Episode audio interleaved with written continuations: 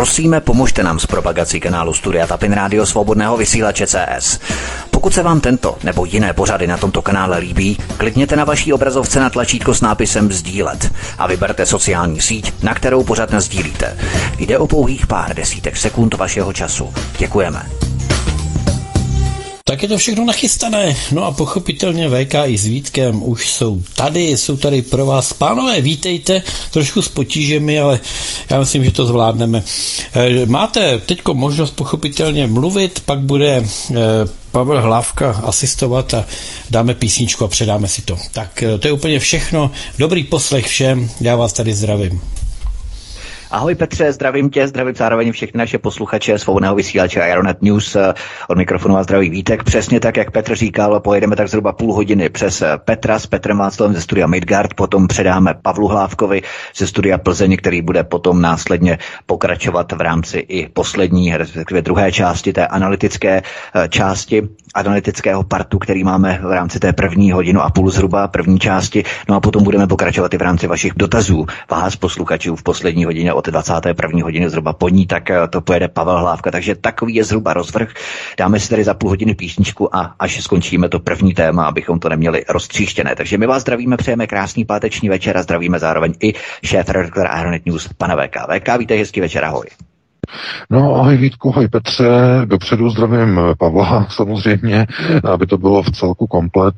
Já tady byl dneska úplně včas, jako já tady byl ještě před půl, takže mimořádně, ale protože technické problémy a tak dále, eh, takže my se eh, pustíme úplně do všech témat, doufám, že všechno stihneme. Eh, každopádně Vítek to má všechno připravené a uvedeme asi to hlavní téma, zanalizujeme volby, že jo, výsledek prvního kola, zanalizujeme analyzujeme i začátek ruské ofenzívy, která začala právě před dvěma hodinami. E, ofenzíva na jihu, v Záporoží, Ukrajinci jsou na útěku, bude to velký, e, takže já vám přeji krásný pěkný poslech. Pojedeme tady první téma, to je asi přesně to nejdůležitější, i když eh, ta eh, válka na Ukrajině eh, samozřejmě s tím přímo souvisí a přímo to na to navazuje, přímo prostupuje a protkává to prezidentské volby, takže to vlastně je úplně prolínající se téma, které víceméně nelze opomenout, ale my začneme tedy, ne, že to budeme úplně hermeticky oddělovat, ale začneme právě těmi prezidentskými volbami a potom přejdeme v dalším tématu přímo na tu Ukrajinu. Kněz z kostela římskokatolické církve ve Rokitnici nad Rokitnou vyhrožoval během nedělní bohoslužby voličům Andreje Babiše, nepřímo označil expremiéra za nedemokratického kandidáta. Ten prvek eh, fašizace církve VK vysílá jasný signál, protože církev se fašizovala nejen ve 30. letech minulého století, ale já za pár měsíců budu vysílat šestidílný pořad, opravdu obrovský pořad, na kterém jsem pracoval zhruba tři čtvrtě roku, nesvatá aliance mezi Vatikánem, mafií a CIA. A budu tam přesně mapovat, do jaké míry se církev vměšovala do politiky jak v Itálii, ale hlavně v rámci operace Kondor v Jižní Americe samozřejmě posvěcovala a žehnala brutálním pravicovým chuntám, včetně Augusta Pinocheta a dalších chunt. Takže to je přesný obraz církve, která má svou fašis, fašistickou historii nebo fašizační linku, fašizační linii. A v ní prostě pokračuje i dnes, že? Ano, samozřejmě. Já bych to udělal s velkým obloučkem nebo s velkým obloukem eh, především na zhodnocení analýzy výsledků prvního kola voleb a e, pana faráře, respektive kněze z Roketné bych, nebo z Roketnice bych k tomu připojil jakoby s takovým tím e, automatickým e, vsuvníkem, jak já říkám, nebo posuvníkem. E, no, byli jste u voleb, že jo? Ti, kteří jsou konceptuálně gramotní, tak to hodili samozřejmě Andrejovi. Eh, ti, kteří jsou srdcaři, tak to hodili někomu jinému, eh, zřejmě panu Baštovi, ale jak říkám, nikdy bych se nedovolil někomu prostě radit, koho má volit. To dělají, to dělají kněz, kně, kněží, to dělají faráři, kteří vyhrožují té druhé skupině, že jo. To není můj styl. To znamená, zkrátka, vy jste si zvolili a když jste byli u voleb, tak jste si zvolili toho, koho jste právě chtěli. tak je to v podstatě jediné demokratické možné řešení. E, samozřejmě, že druhé kolo voleb Eh, bude obrovskou Sofijnou volbou. Konec konců, jako před pěti lety v případě, a i před deseti lety v případě těch uh, voleb uh, Miloše Zemana. Sofijna volba proto, že uh, je to volba, jak já už jsem vlastně říkal v tom minulém pořadu, minulý pátek, že v tom druhém kole se může stát, to si můžete pustit, ten minulý záznam z minulého týdne, kde jsem řekl, že se může stát, že do druhého kola se dostane Andrej Babiš a generál Pavel. A ejhle, eh, ono se to opravdu vyplnilo a velkou radost máme mít z toho? No, asi těžko. Ale v konceptuální rovině platí. Představte si, že by tam Andrej Babiš nebyl a že by to byl duel mezi generálem Pavlem a turbotetuší Danuší. To by byla tragédie. Jak Danuše Nerudová, tak uh, Petr Pavel jsou totiž kandidáty Fialovy uh, Národní fronty. A takové druhé kolo voleb by bylo katastrofální. To by bylo poprvé, kdybych opravdu řekl, k takovým volbám vlastně nemá vůbec smysl ani chodit. A to bych se jako, to by bylo opravdu uh, výjimečný, protože tam by opravdu nemělo smysl chodit, protože uh, tam byste volili fialovou vládu pouze s různým pohlavím, podle tak nebo tak. Jiný rozdíl by v tom nebyl. Ale tím, že tam je Andrej Babiš, tak to má úplně jiný dynamický náboj. Musíte si uvědomit, že Andrej Babiš je businessman, podnikatel. A jeho politické kroky jsou kroky de facto manažera. A on pro něho tedy, přestože oficiálně je tedy nemajitelem, to znamená má Agrofert ve svěřeneckém fondu, tak pro něho je jako pro podnikatele je samozřejmě košile bližší než kabát. To znamená, on nebude nikdy dělat tu politiku, která by škodila těm základním principiálním systémům biznesu a trhu, které teď rujnují jeho ceřiné společnosti v Agrofertu. Obrovské ceny paliv, obrovské ceny energií, které vedou ke zdražování produkce Agrofertu. Když teď někdo obvinuje podniky Agrofertu, že zdražují třeba potraviny, eh, že no jo, Babiš si chce nahrabat. To není pravda. Doufám, že jste nespadli z Marzu, že žijete v prostoru, v jakém žijete, to znamená ceny energií, ceny plynu, ceny elektřiny, ceny paliv. Tohle to všechno se promítá do koncové ceny e, koncového produktu, znamená do potravin, které vyrábí podniky Agrofertu, e, do hnojiv, že jo, do paliv a tak dále a tak dále. Všechno se to promítá. Takže Andrej Babiš jakožto prezident, e, a to víme, bude dělat takovou politiku, která minimálně po té ekonomické stránce nepůjde proti ekonomickým zájmům Agrofertu. To znamená proti biznesu, proti podnikům, proti podnikání. A v tom se Andrej Babiš e, odlišuje od všech ostatních fialových nebo fialovských kandidátů. To je ten zásadní rozdíl mezi Babišem a Pavlem, e, Tetuší, Fischerem, Hilšerem a tak dále s výjimkou teda e, pana Bašty, protože e, to je samozřejmě jiná, e, jiná krevní skupina, tedy minimálně posledních asi dva roky, nebo jak dlouho je v SPD, předtím 20, 25 let nebo 30 byl v ČSSD, ale tohle teď před druhým kolem je třeba si uvědomit. To znamená, je to referendum. Referendum o Fialově vládě.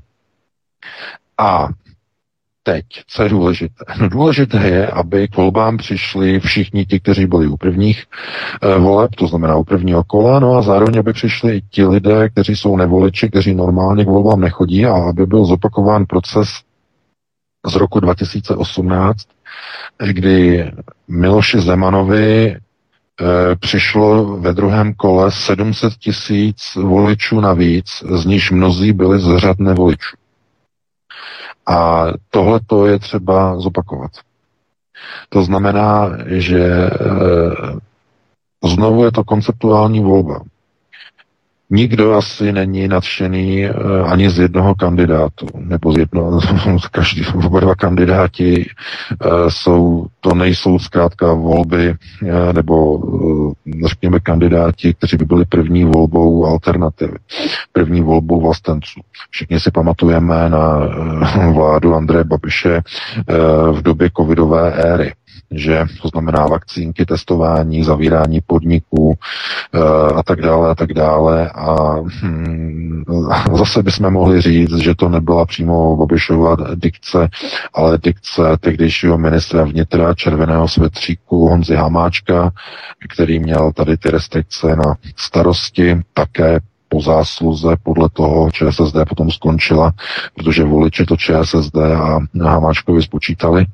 Ale pravdou je, je, pravda je taková, že Babiš zodpovídal za tu vládu jako premiér a samozřejmě nese za to jasný podíl, za ten teror, za ten covidový teror, takže to není žádná omluva. Ale teď je jiná situace.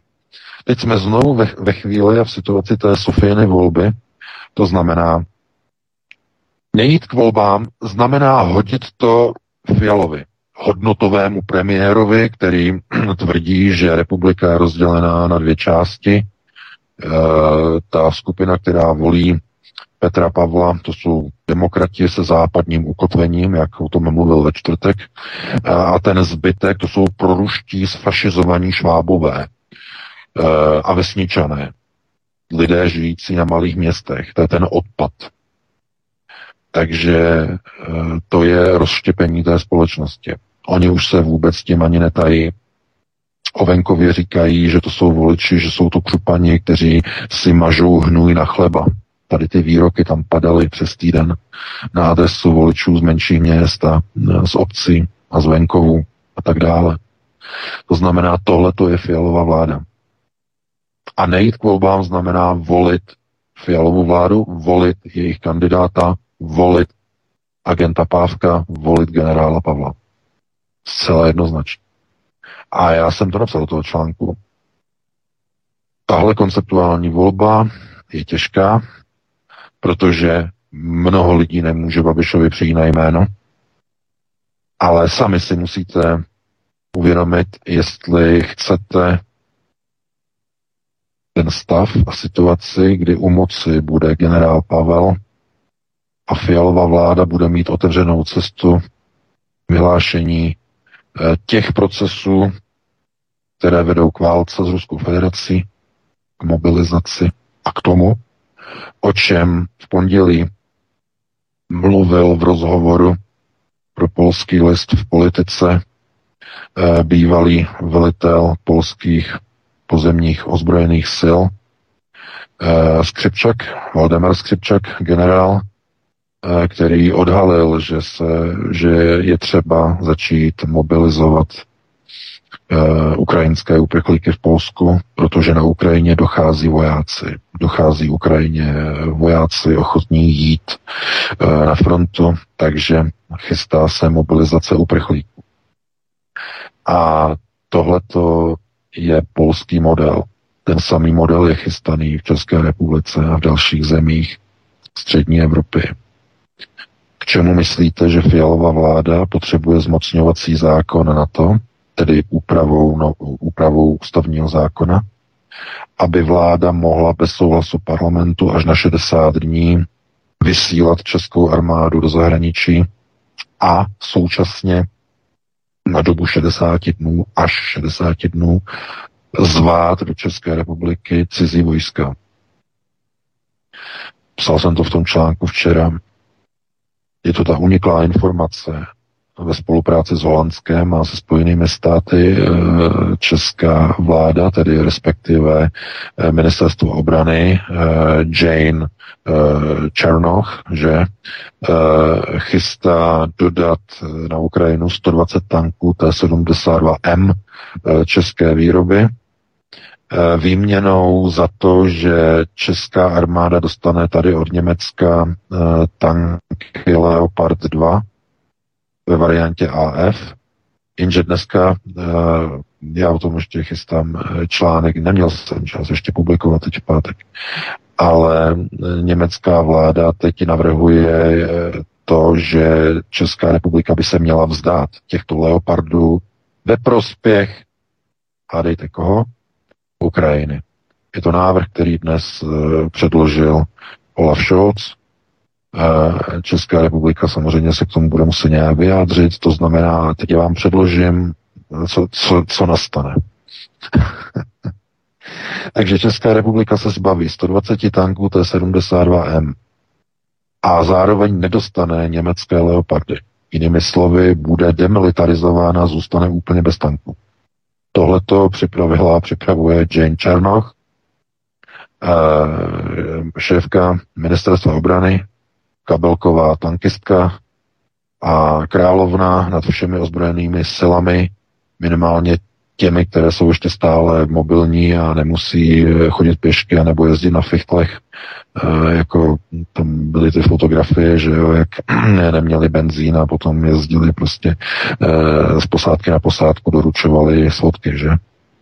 No, to je potom situace, kdy se nám ukazuje, že příprava na válku je v plném proudu, samozřejmě.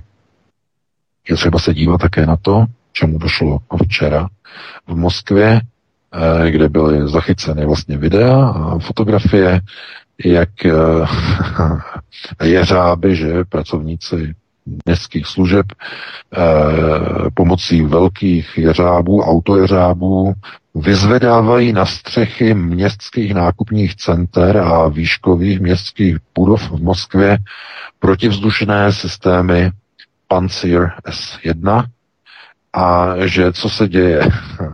Eh, poměrně velký poplach, protože eh, u rozmistování protivzdušných systémů eh, na střechách budov v Moskvě, co se naznačuje, ano, je to příprava pro možnost a eventualitu, že by Spojené státy dodali v nejbližších dnech a týdnech Ukrajině rakety dlouhého doletu a především rakety s plochou dráhou letu Tomahawk. Je to úplně nová novinka, ale není nikde oficiálně dostupná. Pokud by američané dodali Ukrajině rakety s plochou dráhou letu, které mají dolet přes 2,5 tisíce kilometrů, eh, tak eh, samozřejmě celý, celý evropský kontinent Ruska by byl tím letím ohrožen. Jestli tohle je příprava na e, chystané dodávky raket dlouhého doletu Ukrajině není jasné. Eh, může to, může to mít souvislost eh, i se zahájenou ofenzívou ruské armády na záporožském směru, eh, takže samozřejmě, ale rozměstňování proti vzdušných systémů přímo v Moskvě, až v Moskvě, eh, ukazuje, že mm, ruská vojenská rozvědka má svoje informace. To znamená, eh, snaha o rozvinutí té války v roce 2023 do většího rozměru, aby nebyl lokální, aby byl mezinárodní. Konec konců to není žádná novinka, ale je třeba si uvědomit, že eh, Česká republika je součástí tohoto procesu. Pokud to bude realizováno, tak Česká republika bude první zemí. Zemí na prvním místě, která dodá Ukrajině nejvíce tanků. 120 celkem. Žádná země na světě v tom plánu západních zemí nenabízí více tanků než Česká republika. Vypadá to, jako by Česká armáda, respektive Česká republika, mm, byla nějakou nejbohatší eh, zemí na světě, která si může dovolit eh, rozdávat svoje zásoby. E,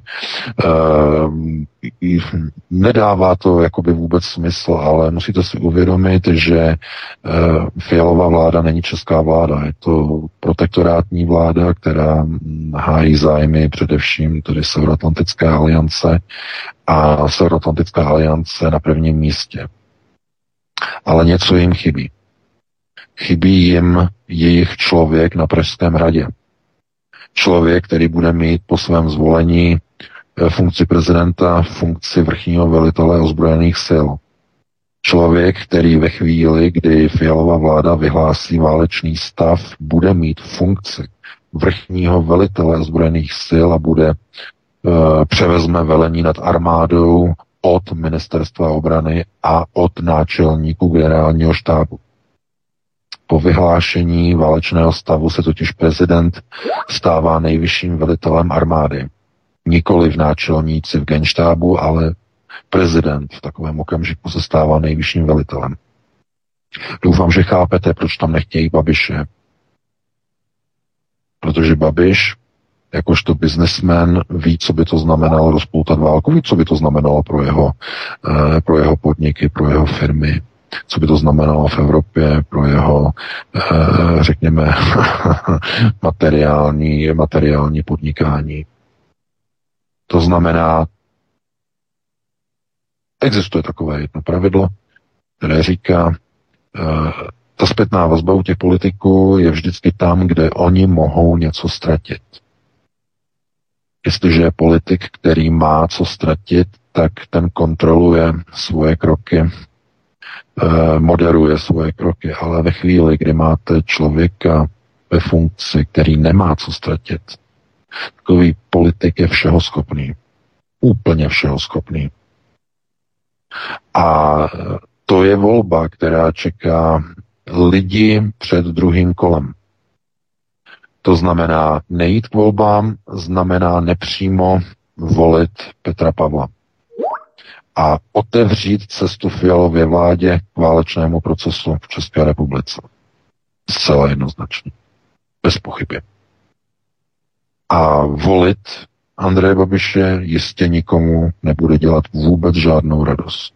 Lidem budou skřípat zuby, eh, budou jim praskat čelisti, protože eh, to není ten vysněný kandidát, kterého by chtěli volit, ale nevolit ho znamená dopustit katastrofální proces v České republice.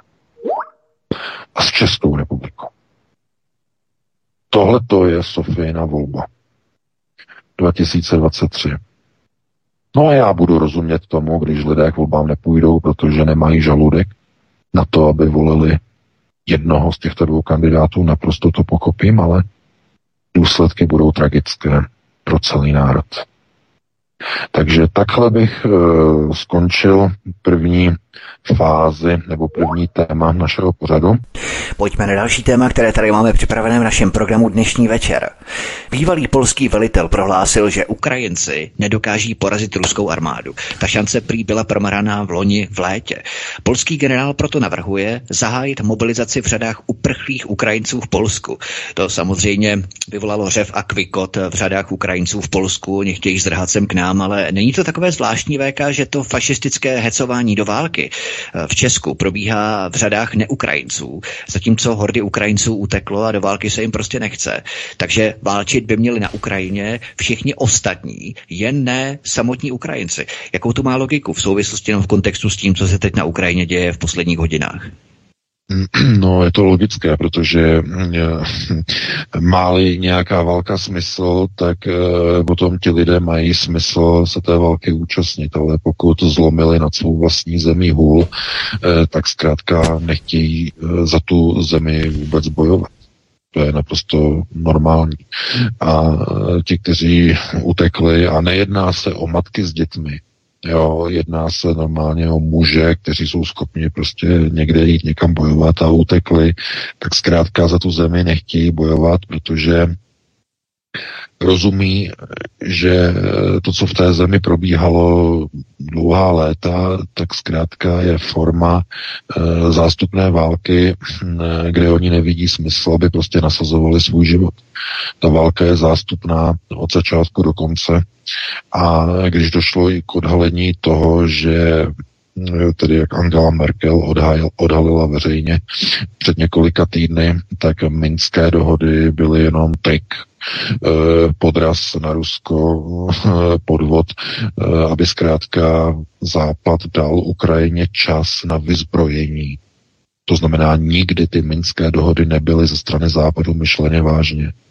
No a Ukrajinci to věděli už dávno, že jo, obyčejní Ukrajinci. To znamená, mm, ten konflikt na té Ukrajině nemá vojenského řešení.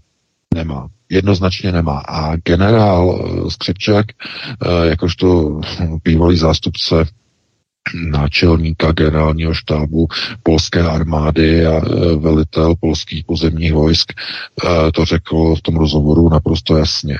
Tahle válka se už nedá vyhrát vojensky, ale pouze politicky a ekonomicky. Pakliže budou tedy ty sankce nějak fungovat na ty Rusy a na to Rusko, což se ukazuje, že zrovna moc nefunguje. E, jinými slovy, ten model jenom dodávání zbraní na Ukrajinu nepomůže nijak té Ukrajině. Té Ukrajině chybí vojáci, chybí personál. No a Ukrajina, protože prochází už eh, sedmou vlnou mobilizace, už sedmou, ta šestá nedopadla, ta skončila koncem prosince, teď mají sedmou mobilizační vlnu a už neví, koho mají brát.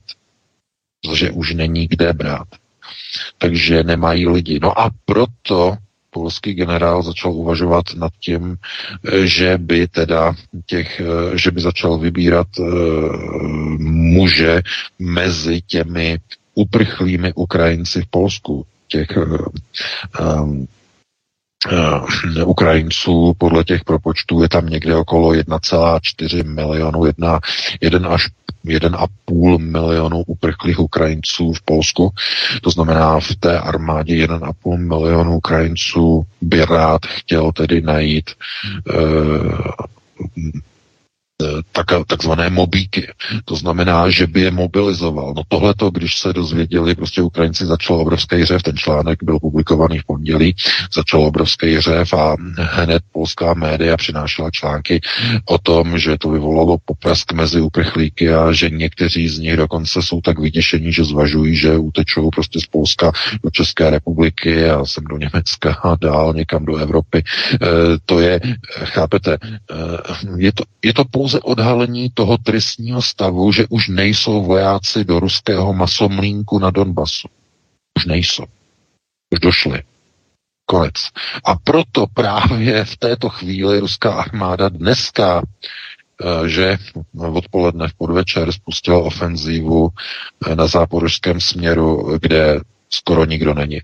Protože Ukrajinci stáhli všechno na Donbas, všechno stáhli k Artěmovsku, všechno stáhli k Seversku, e, Záporoží je vyprázdněný, no a Rusové zahájili ofenzívu na záporožském směru. Hotovo, vymalováno a e, Zalužný teď v podvečer znovu naléhal na Zelenského, aby vyklidil, aby nechal, aby dovolil, e, jakožto vrchní velitel ozbrojených sil, aby dovolil stáhnout ukrajinskou armádu z Artěmovsku, tedy z Bachmutu. Stáhnout, úplně stáhnout. Eh, on pořád nechce, no z...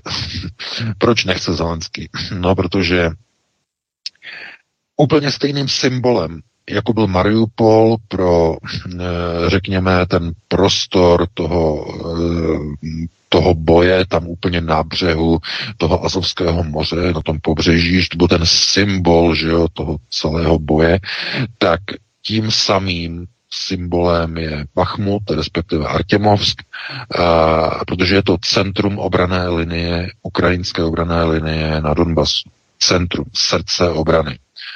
Do toho Artemovsku se zbíhají všechny zásobovací linie a všechny zákopy, všechna opevnění. Je to úplně v centru.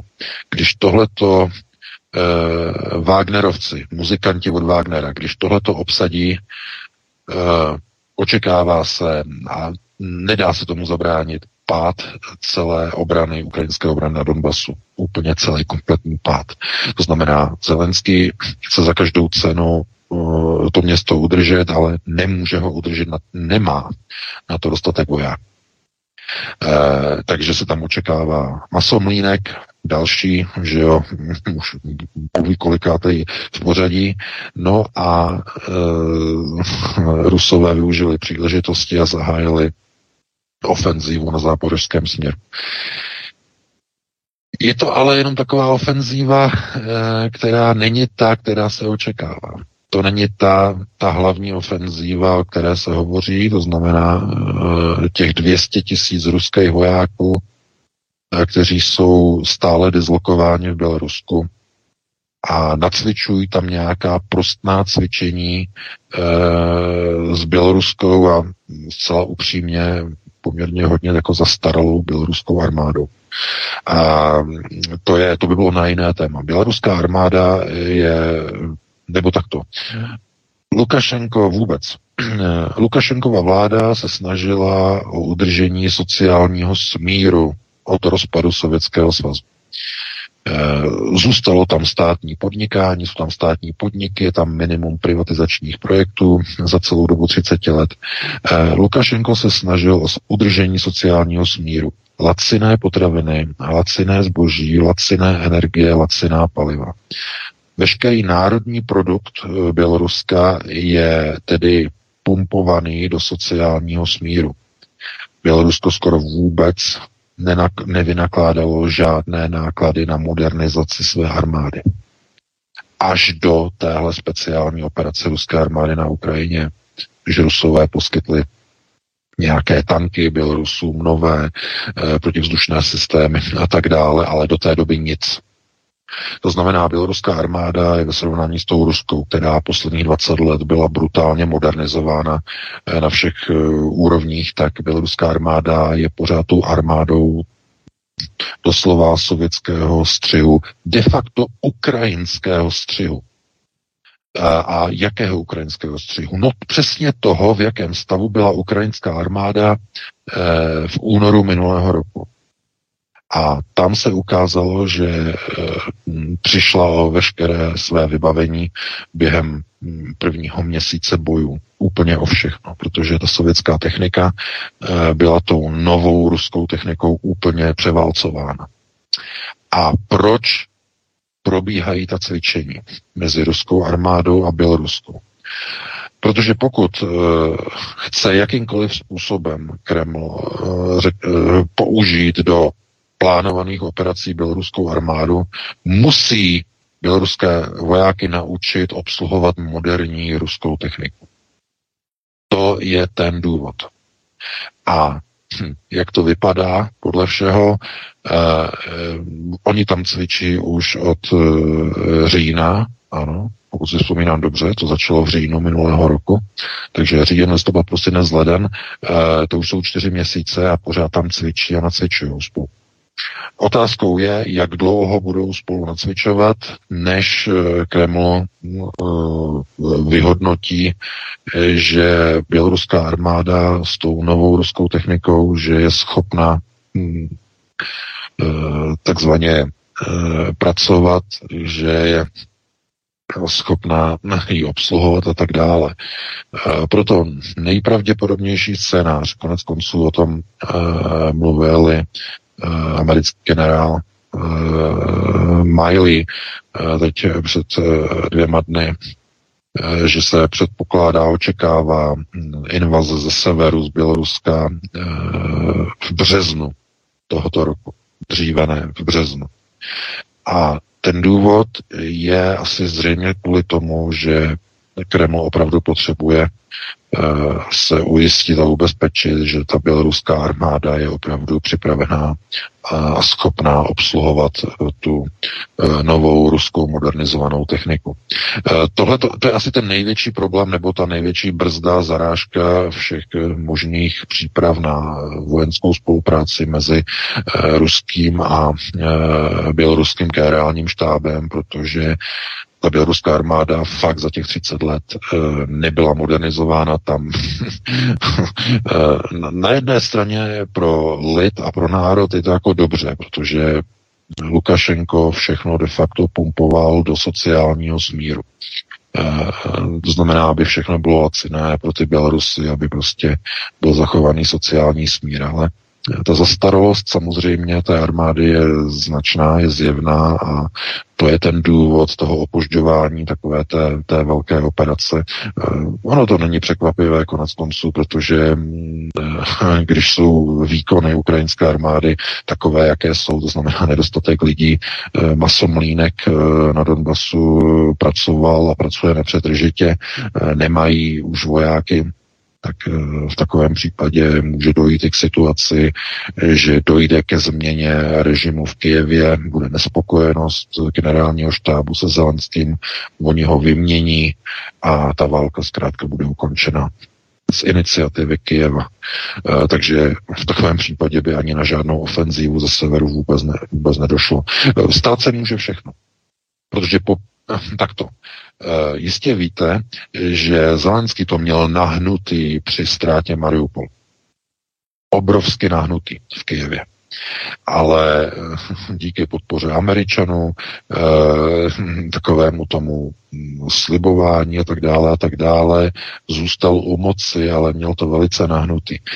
Kdyby teď ztratil Donbas, kdyby ztratil Artemovsk a úplně se mu zhroutila obrana na Donbasu, od čehož je de facto teď už jenom krok, bude pozice Zelenského v Kijevě neudržitelná generální štáb, generální štáb eh, ukrajinské armády se bude chtít Zelenského zbavit jako neschopného vrchního velitele.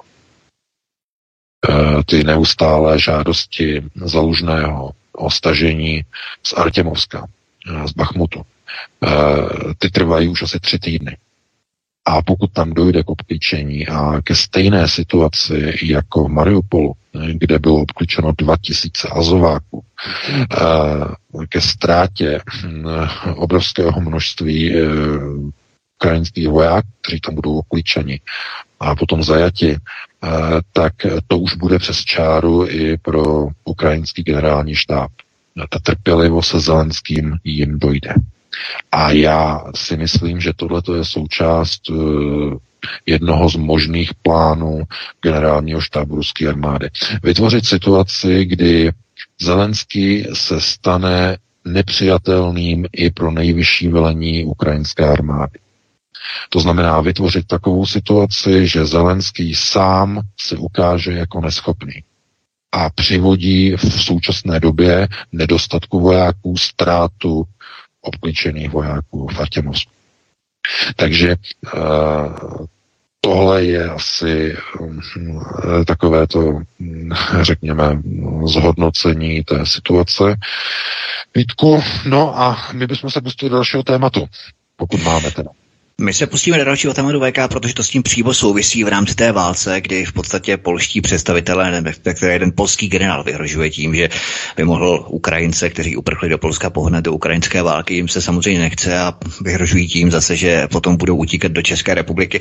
Možná něco podobného by mohla udělat naše vláda, protože u nás by také nechtěli zůstat. To byla taková možná strategie, jak oduprchličtit Českou republiku tím, že by v podstatě česká vláda mohla vyhlásit mobilizaci v rámci ukrajinských uprchlíků u nás nás v České republice, takové trošku uh, humoristické zakončení, ale právě s tím se podíváme na další válku, protože to se přímo týká i, jak jsme říkali na začátku, že se protkává s prezidentskými volbami tady v České republice, protože Andrej Babiš má pravdu v tom, že skutečně hrozí zatažení České republiky do války Ukrajin, na Ukrajinu, ale uh, je to naplánované trochu jinak, než jak se píše na billboardu.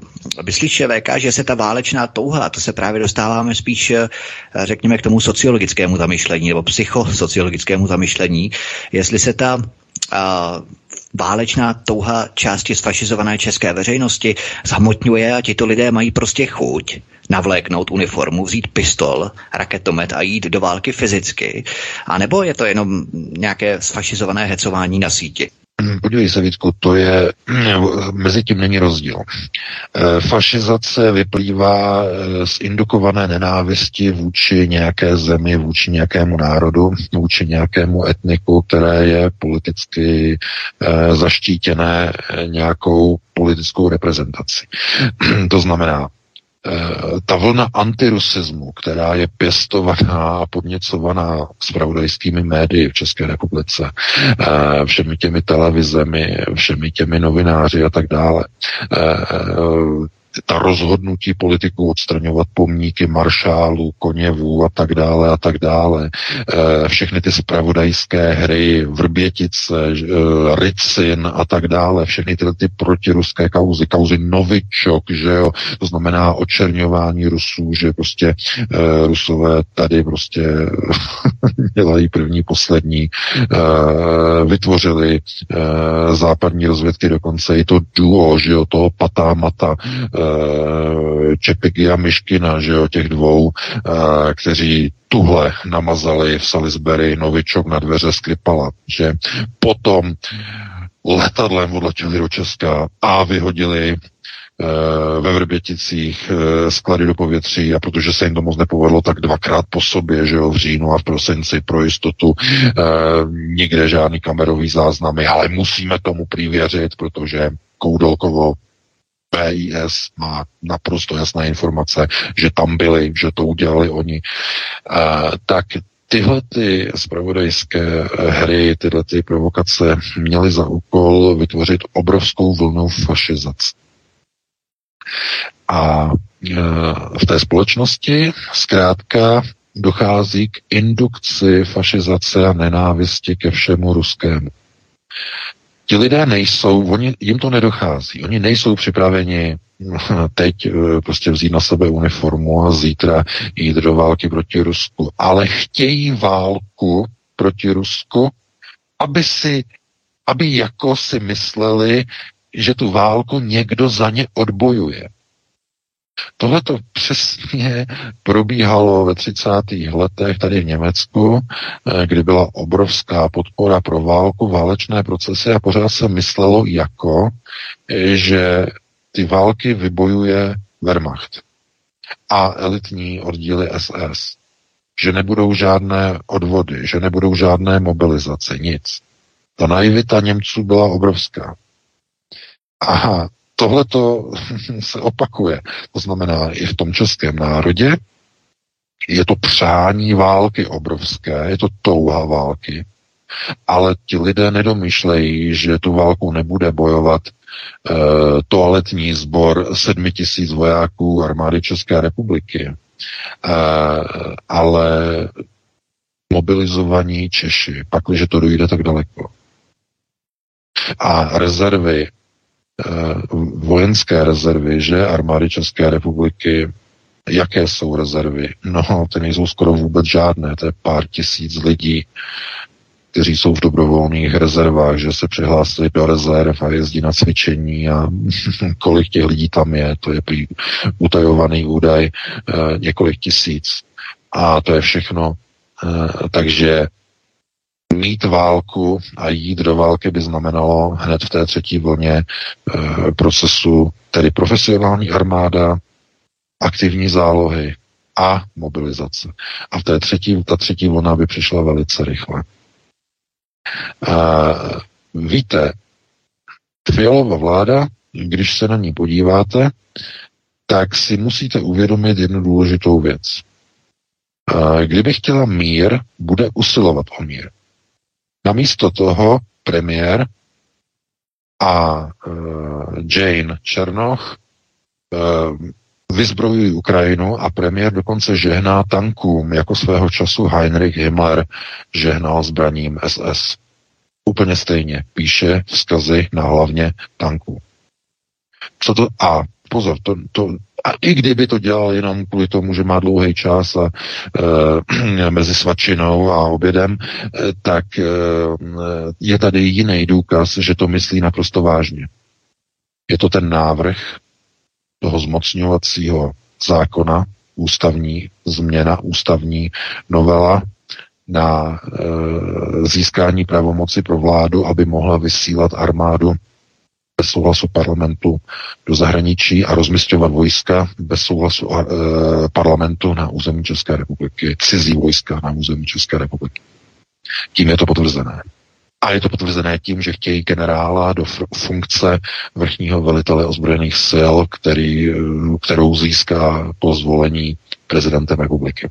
Proto tam chtějí Pavla. Babiš by tam dal stopku jako vrchní velitel.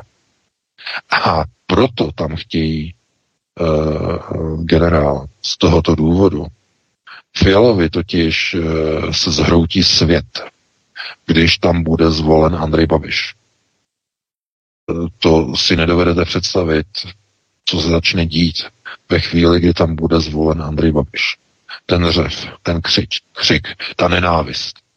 Česká televize pojede 24-hodinové nepřetržité pásmo Babišovi o tom, že je to je největší prostě antikrist a tak dále, um, budou vytékat žumpy ze všech spravodajských velkých hlavních zdrojů proti Babišovi. Možná s výjimkou těch, které nevlastní. No, I tam píšou novináři takové různé věci. Proti Babišovi nevím, jestli to Babiš toleruje jenom kvůli tomu, aby se neřeklo, jako, že jsou to jeho média, ale um, tohle to vypadá, eh, jako kdyby veškeré politické stělesnění, veškerého zla bylo eh, koncentrováno jenom do Andreje Babiše, zatímco pěti koalice je svatá, ta je zlatá. Chápete, takhle je to vykresle, vykresleno nebo vykreslováno takovým těm jednodušším voličům, že? Přesně takhle. No, uh, chápete, uh, Kdyby bylo usilováno o mír, nemusíme mít obavy. Vzhledem k tomu, že je usilováno o válku, musíme se bát toho nejhoršího. Zamyslete se, k čemu fialová vláda potřebuje takový zmocňovací zákon. K čemu potřebuje bez souhlasu parlamentu. No, přece tam, kde souhlas by byl těžko vydán a je potřeba ty vojáky tam vyslat tak, aby ten parlament byl postavený před hotovou věc a už nemohl cuknout zpátky. Jednoduše. Když pošlete 2000 českých vojáků na Donbas, na ukrajinské pozice a oni tam budou rozmístěni, už je nebude možné stáhnout. Po těch 60 dnech bude muset poslanecká sněmovna to jejich rozmístění schvá- eh, takzvaně posvětit. Natrvalo. Takhle je to vymyšlené. Protože bylo by těžké vysvětlovat občanům. Poslanecká sněmovna v pátek bude jednat o vyslání dvou tisíc českých vojáků na frontu do, na Donbas. E, budou teď o tom eh, jednat poslanci. Víte, co se začne dít? Víte, co se začne objevovat na jejich poslaneckých e-mailech, jak jim začnou voliči volat, jak jejich řev se strhne, že vláda chce zatáhnout zemi do války proti Rusku, e, bude, bude na ty poslance vytvářený takový tlak, že bude hrozit, že pro tu roku nezvednou. Toho oni se bojí.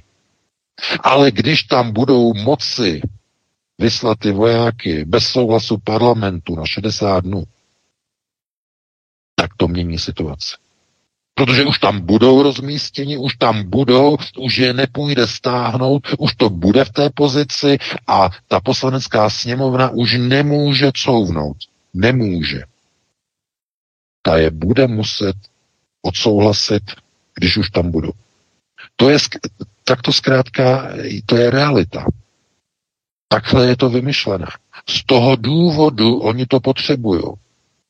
Oni vědí, že by neměli tu politickou podporu v té sněmovně, protože to by bylo, jak se říká, přes čáru. I přes, i přes ty, ty velké válečné štváče, i pro ně by to bylo přes čáru. Nebo možná ne pro ně, ale pro jejich voliče. Toho oni se bojí, že jejich voliči by jim to spočítali, že by je příště ve volbách takzvaně zařízli. Takže jak se to udělá? No udělá se to tak, že ta vláda se vůbec té sněmovny ptát nebude. Dokonce eh, pan Benda, že pan Marek Benda prohlásil v poslanecké sněmovně, že součástí toho návrhu je eh, vysílat ty vojáky do zahraničí v utajení že přece to nebudeme projednávat ve sněmovně, když budeme potřebovat v utajení vyslat nějaké vojáky za účelem ochrany našich národních zájmů, e, bude to citlivá záležitost, tak přece to nebudeme oznamovat v poslanecké sněmovně, aby to každý věděl. Bude to utajené, to znamená, veřejnost se nedozví, že my jsme vyslali třeba 500 nebo 2000 vojáků někam. Oni to chtějí dokonce utajovat. Tohle to tam zdůvodňoval Benda ve sněmovně. Dámy a pánové, chápete? Oni o tom, oni to chtějí dokonce utajit.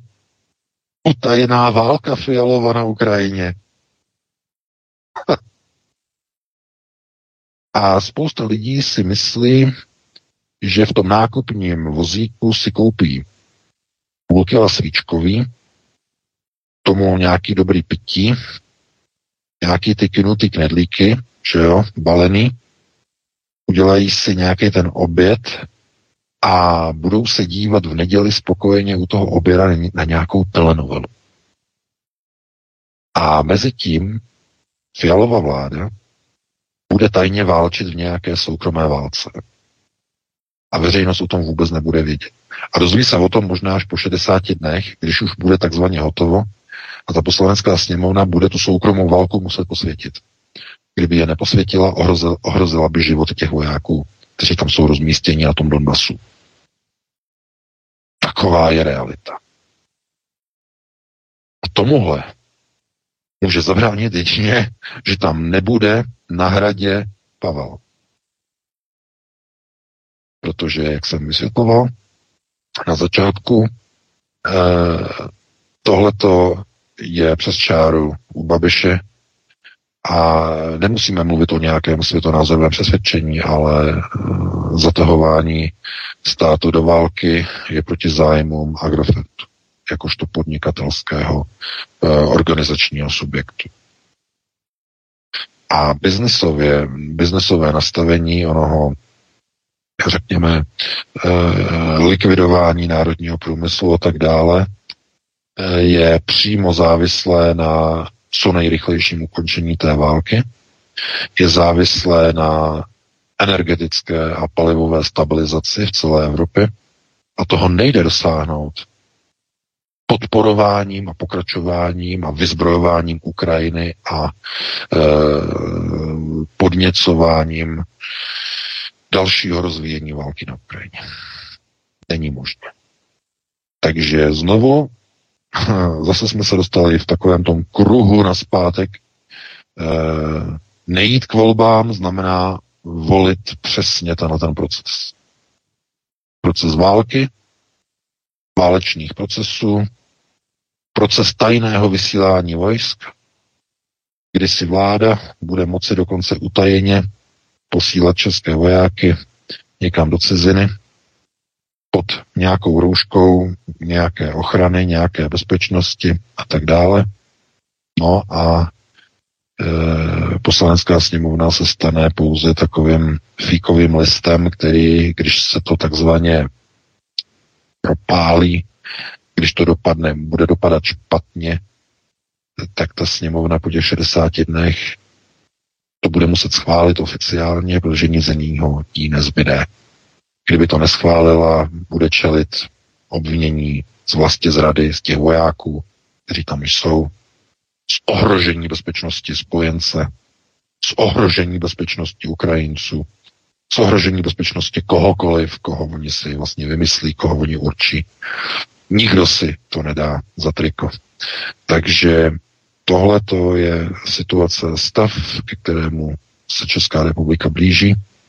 No a my budeme jenom doufat, že nedojde k nejhoršímu a že agent Pávek bude, e, že by byl zvolený prezidentem, že k tomu nedojde, protože to by bylo opravdu tragické. Každopádně vyloučit to nemůžeme, e, jak už jsem říkal několikrát, společnost je natolik fašizovaná, že to její přání války, ta touha války je obrovská.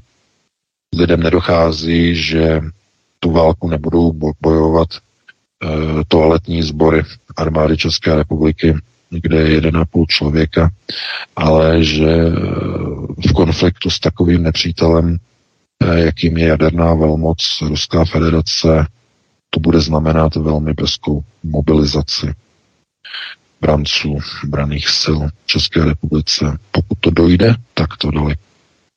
Takže takhle bych to uzavřel. Vítku máme 2050, takže jestli tam máme ještě jedno téma, nějaké miny, tak bychom ho podali.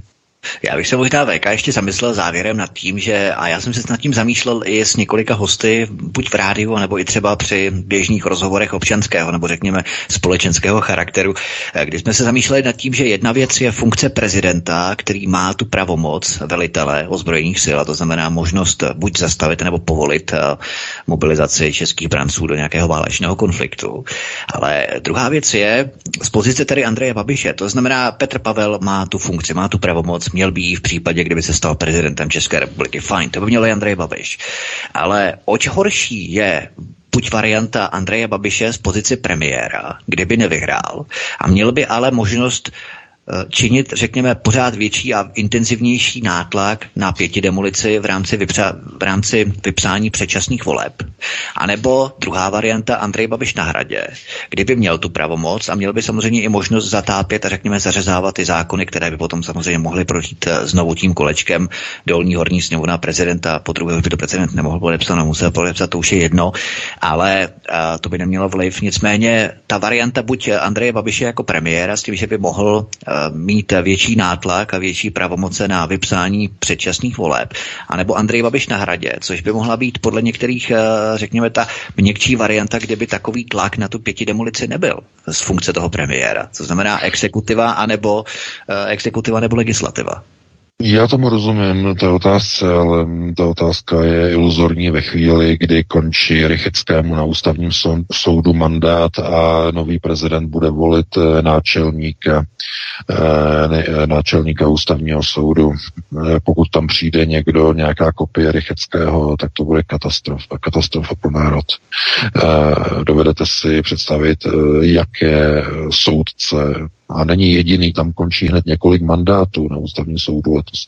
To znamená, dokážete představit, co to bude za nového předsedu toho ústavního soudu. To je ně, fialová vláda, tak bude kontrolovat i ústavní soud.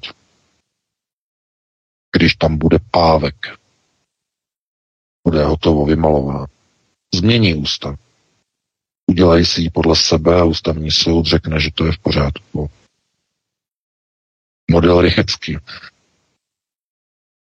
Ale na bůstrech. Na pořádných bůstrech, protože to, co tam bude navoleno a jmenováno Pavlem, protože Pavel bude pouze výkonná loutka premiéra Fialy. Fialova pětikoalice si nastaví své kandidáty, své soudce a řeknou eh, Pavlovi, aby jmenoval do čela ústavního soudu tyhle ty a tyhle ty a tyhle ty a tyhle ty kandidáty. Tak a tak a tak. Tím bude zabetonována moc Fialovy, kan, eh, Fialovy koalice na dlouhá a dlouhá a dlouhá léta.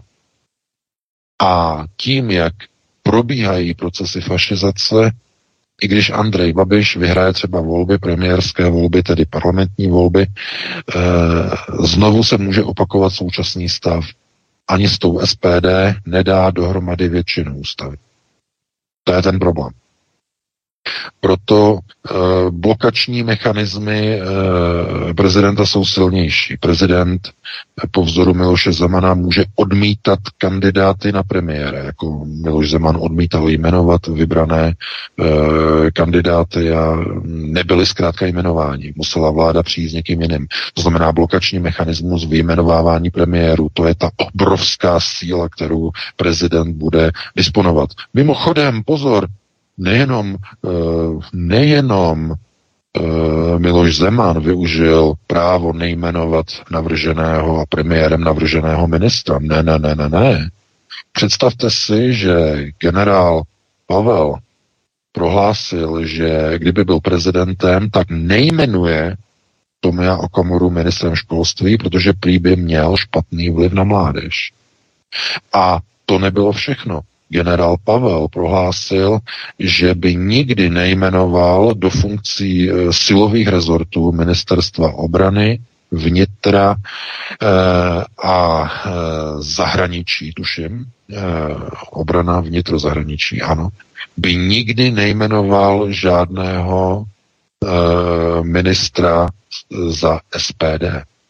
Tohle to prohlásil. To znamená, chápete, i kdyby nakrásně i kdyby nakrásně SPD získala nějaká pěkná procenta nebo dostala se do vlády a tak dále, tak představte si, že ten e, Pavel by nejmenoval do tady těch pozic a ministerstev e, vůbec nikdy za žádných okolností e, kandidáta za SPD. Panečku. To je fašist, to je demokrat. To je fašizace. Proto doufám chápete, proč musí nastat Sofijna volba. Proč musí se tam dostat Andrej Babiš. Ne kvůli tomu, že by to byl eh, náš, eh, že jo, náš mesiáš, náš oblíbenec, ale protože tady ta volba bude volbou proti. Proti kandidátovi, který je katastrofální. To je, to je bohužel znovu ta Sofijina volba. Asi z, u těch prezidentských kandidátů z ní asi nikdy nevyjdeme, že budeme vždycky jako volit eh, horší zlo a teda horší zlo, menší zlo, že menší zlo e, než to větší zlo, ale je to, je to, je to, je to v situaci, kdy já říkám, Eh, nechci jako takhle to až přehánět, ale eh, kdyby to druhé kolo bylo bývalo mezi eh, Nerudovou a mezi Pávkem, bylo by to daleko lepší, minimálně pro dobrý pocit alternativy, protože alternativa by si mohla říct, je vymalováno, je hotovo, sorry, jako zůstáváme doma, k volbám nejdeme, protože tohle to znamená, že u voleb v tom druhém kole jsou jenom dva kandidáti Fialovy koalice. Dva takže to by nemělo vůbec smysl. Ale v téhle chvíli, když je tam Babiš, tak je naděje aspoň na tu blokaci e, Fialovy vlády, aspoň na znepříjemňování jejich vlády z Pražského hradu. Na torpédování nápadů vlády z Pražského hradu. V pokračování té torpédovací zemanovské politiky v podobě Andreje Babiše. A už jenom kvůli tomu se to vyplatí. Už jenom kvůli tomu torpédování. Eh, můžete se na to dívat, jak chcete, musíte si sami rozhodnout, nikoho nebudu přesvědčovat, ale fakta máte předložena. To, co nás čeká. Takže sami se musíte rozhodnout. Uh, takhle to bylo asi všechno, Vítku, máme minut 57, dáme si jenom, jenom, jenom, prosím tě, jenom rychle, jo, hned mě doplníš. Dáme si přestávku, Pavel tam nejde pěkný písničky a no. se potom do ledničky. Já, tě nechci, já tě nechci, já tě nechci ani doplnit VK, si chci ještě zeptat, jo. Eh, v rámci poslední věci ohledně Andreje Babiše, protože předseda sekty přímé diktatury se nechal slyšet s tím, že nejenom tedy, že před tím pondělkem kritickým, kdy byl, Čap, kdy byl Andrej Babiš osvobozený od Čapího hnízda a tak dále v rámci toho soudu, takže má rezignovat, ale i teď po volbách se nechal slyšet, po prvním kole se nechal slyšet, že nedoporučuje svým voličům, aby volili Andreje Babiše. To znamená, že pro sektu přímé diktatury je to v podstatě praště jako uhoď, protože oni se takto odpískali do věčné opozice a s Andrejem Babišem nemůžou počítat v podstatě. Ano, ano, já jsem, já jsem, já jsem to slyšel, ten výrok, eh, nevím z jakého důvodu oni to dělají. No, z jakého důvodu to dělají. Já vám to řeknu, proč eh, tohle to zaznělo od uh, Tomia Komory. Jedná se o výbory a mandáty v poslanecké sněmovně. Oni tuší, že i příští volby vyhraje pěti koalice a když by byli v nepřátelském postavení vůči pěti koalici, tak by hrozilo, že SPD by nedostala odsouhlasené výbory ve sněmovně. Mandáty, protože rozumíte, máte výbory, eh, máte tam funkce jednotlivých výborů, za to jsou příplatky, jsou tam obrovské peníze za činnost těch výborech a kdyby mm, eh, Víte, v téhle chvíli oni ví, že kdo je silnější pes, který Tomio ví, kdo je silnější pes v téhle chvíli. Je to pěti koalice. Takže už počítá dopředu a proto nepodpořil, respektive vyzval k nepodpoře Andreje Babiše. Je, takže všechny voliče hodil přes palubu. Eh, Přesně tak. Hodil, hodil, hodil kompletně všechny voliče přes palubu no, za prebendy. Protože ví, uh, politicky on ví, že až budou příští volby, pěti koalice, uh, podívejte se, pěti koalice válcuje úplně všechny volby. A na tom se v nejbližších letech nic nezmění. A volby budou už za dva roky.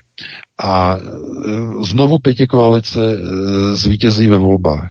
A teď, když se bude po ustanovení nové sněmovny znovu rozdělovat, kdo bude ve výborech, kdo bude předsedou výboru, zástupce ve výboru, e, prebendy a tak dále, a tak dále, a tak dále, tak víte, co by se mohlo stát.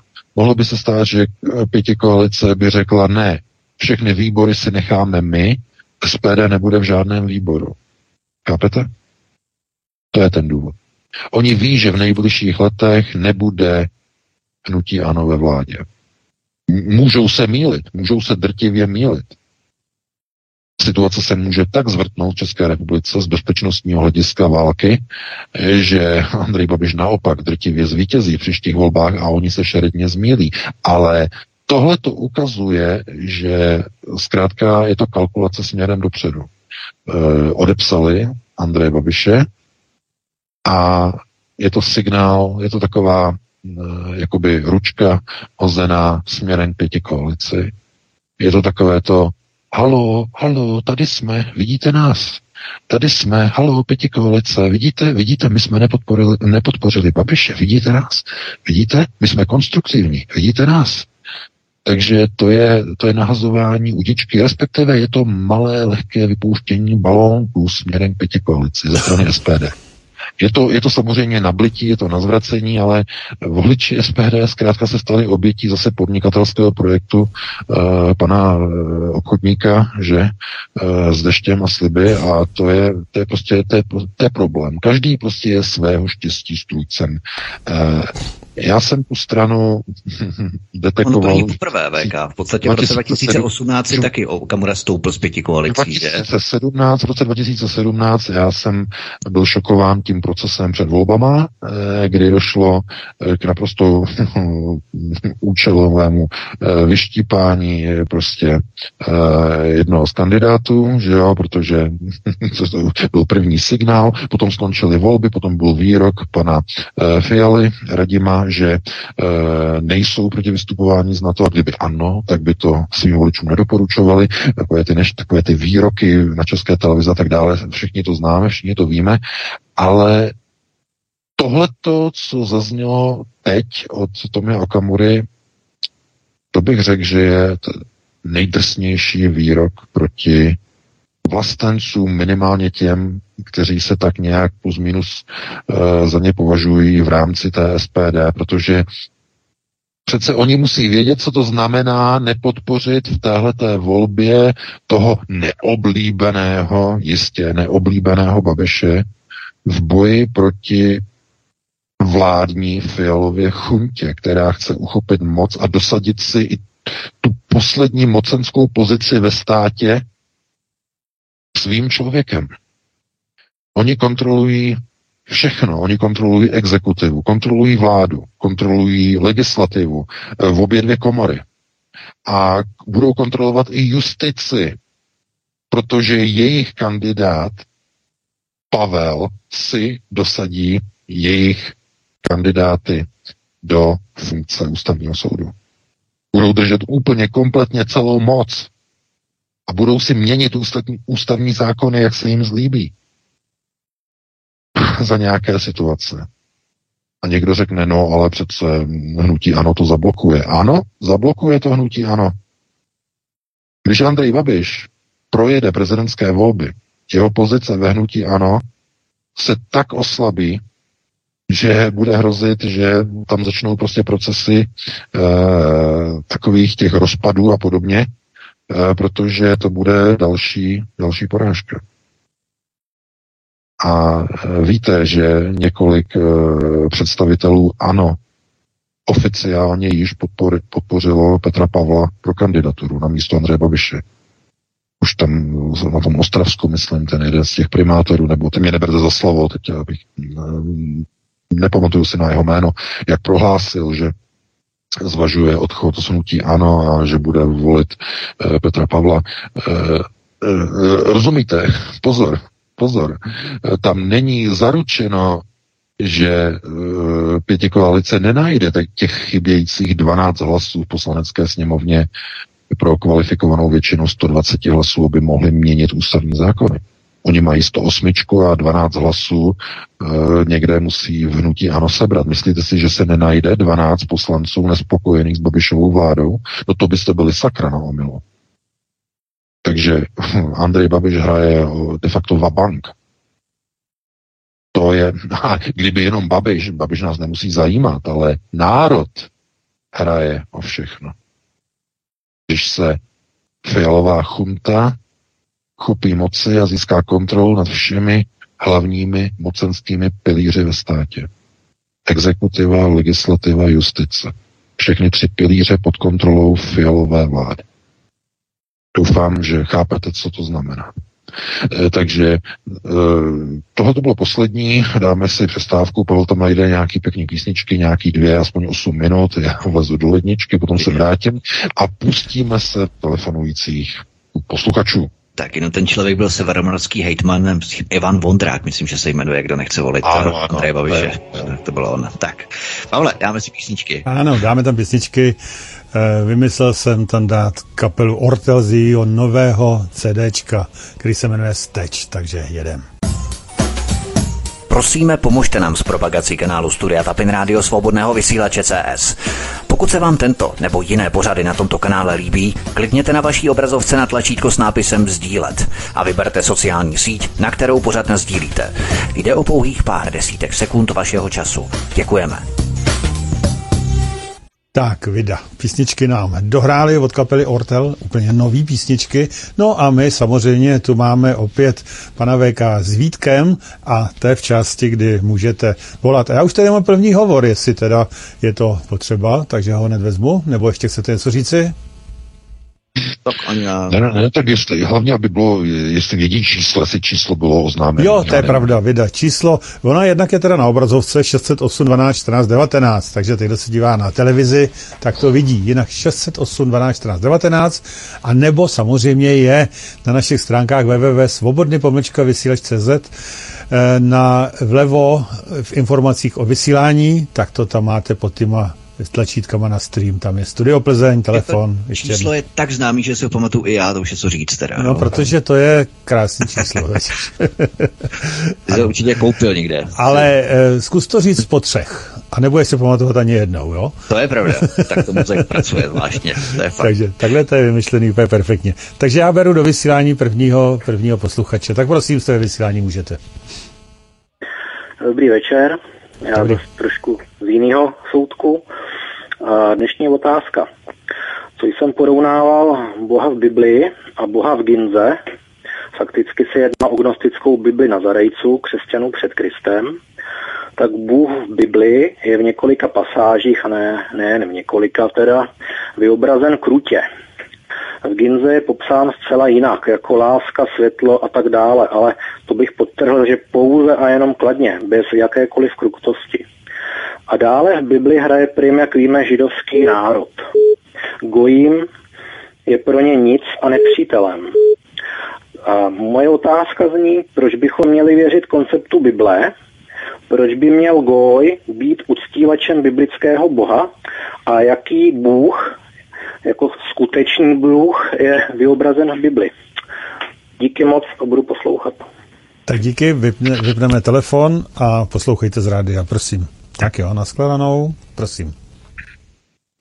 No, já děkuji za dotaz a tohle je přesně to, co je prostě úplná tragédie. Teď eh, lidem prostě rozmátit prostě světonázory a hlavně e, koncepty víry. Jo, takže to ne. E, to musíte na někoho jiného. E, podobenství. To, co je zobrazováno ve všech tiskovinách e, planetě, Uh, tam byl nějaký zvuk.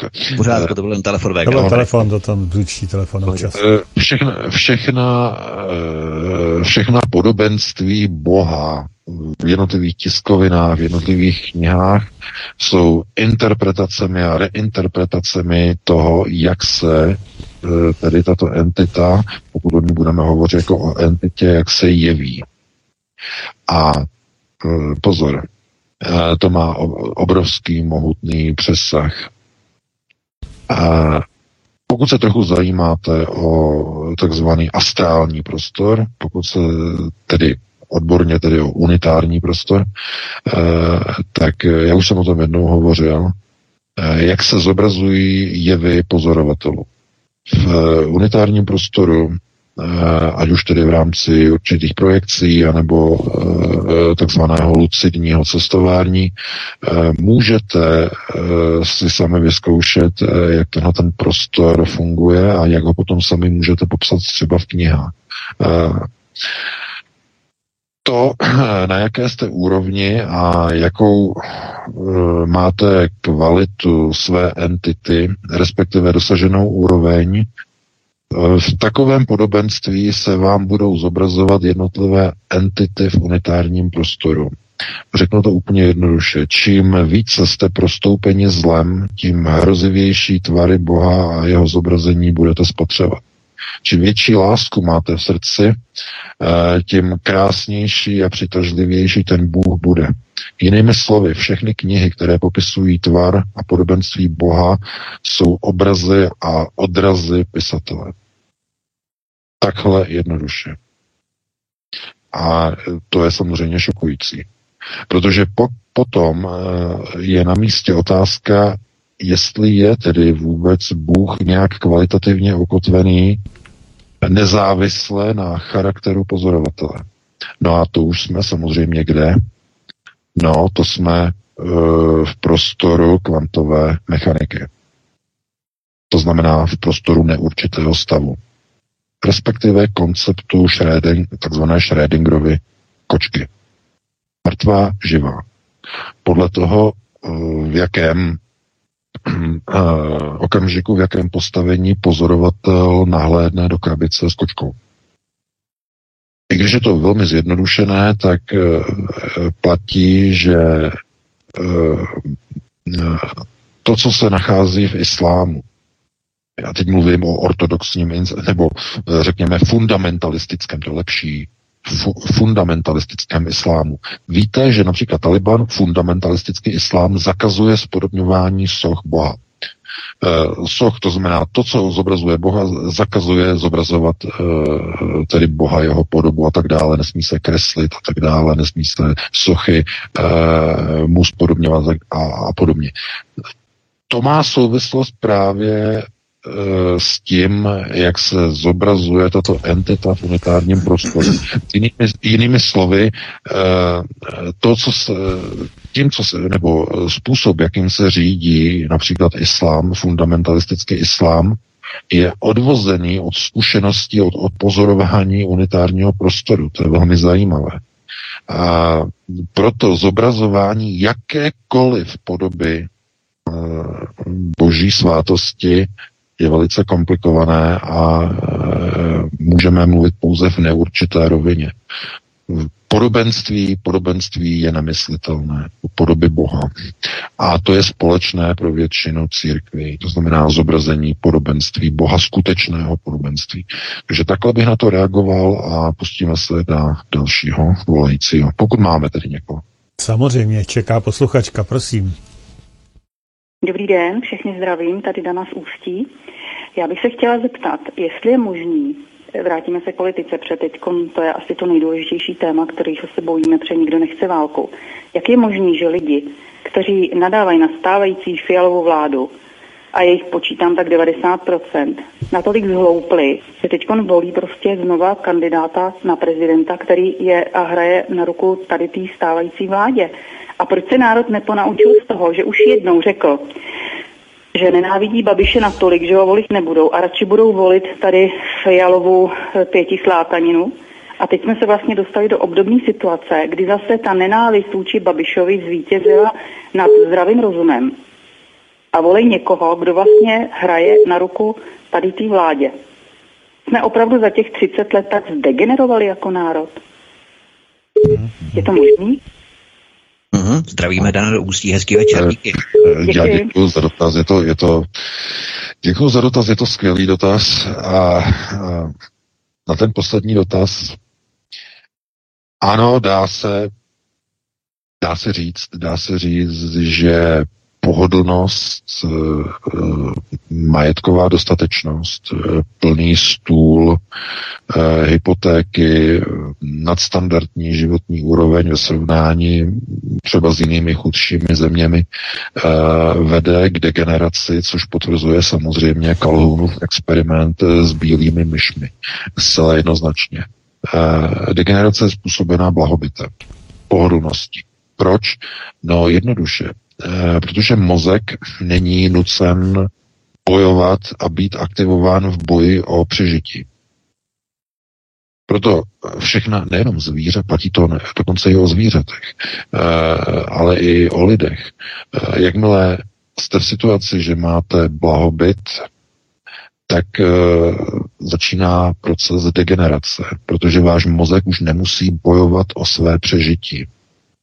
A když člověk bojuje o své přežití, mozek je aktivován a e, co je zajímavé, e, vyplavuje určité, řekněme, nebo vysílá určité signály, které ovlivňují endokrinní činnost, jsou vyplavovány různé enzymy, různé látky, různé hormony, e, které zabraňují poškozování neuronových buněk. A především jako jsou priony a e, různé proteiny, složené proteiny a tak dále. E, no, to je důležité. A když tahle činnost neprobíhá, tak dochází k poškozování neuronových sítí v mozku a člověk degeneruje. Jinými slovy, blahobyt indukuje degeneraci. A bylo to pěkně spozorováno právě u toho experimentu s bílými myšmi. Člověk, který musí být neustále jakoby v napětí, musí bojovat o své přežití, aby de facto zabránil vlastní degeneraci. Chudnutí, chudoba de facto způsobuje, že musíte se více aktivizovat, musíte více přemýšlet, musíte více napínat své úsilí o přežití, což tedy způsobuje eh, právě vyplovování těchto látek, které brání eh, degeneraci a poškozování neuronů v mozku. Je to je to něco neuvěřitelného, ale bohužel to, co vidíme v politických procesech, eh, je zkrátka důsledek degenerace. Jedna z forem degenerace je neschopnost eh, ochrany a obrany vlastního života, eh, ztráta půdu sebezáchovy jeden z hlavních příznaků ztráty, teda procesu degenerace, ztráta půdu sebezáchovy. Eh, lidé chtějí válku, mají přání války a přitom žijí v blahobytu, nebo ještě do nedávna žili v blahobytu. Tohle to je velice, to je úsečné. Eh, zajímavé. Kdo nejvíce podporuje válku proti Rusku? Vyspělé západní blahobytem obejmuté země. Nikoli v ty chudé eh, rozvojové země třetího světa. Jejich vlády to dokonce ani nenapadne něco takového provádět. To znamená znovu, ano, je to proces degenerace, ale s tou degenerací prochází a jsou spojeny ještě další procesy, jako je fašizace. Zdegenerovaný člověk je jednodušší, je lépe zmanipulovatelný a je lépe sfašizovatelný. Vytvořit armádu e, řvounů, na podporu války je potom velmi jednoduché. Aniž by ti lidé si uvědomovali, co to pro ně samotné znamená, že, to, že je samotné to ohrozí na životě. Ztráta půdu sebezáchovy. Zcela jednoznačně. Takže bohužel No a takhle bych na to reagoval a pustíme se do dalšího volajícího. To je vlastně zajímavé, že v těch 30. letech minulého století ty Němce se podařilo tak zmanipulovat do té druhé světové války, když vlastně byli 10 let, 12 let po konci té první, že v podstatě za tak krátkou dobu se je podařilo sfašizovat tak jako dnes, v podstatě kdyby jsme 70 let neměli války. Bylo to, velice, bylo to velice rychlé. Bylo jo, to, to je zajímavý. Ten proces fašizace trval opravdu jenom pár let, tady v Německu to bylo velice krátké a e, znovu e, Eh, konec konců Česká republika je nádherným příkladem.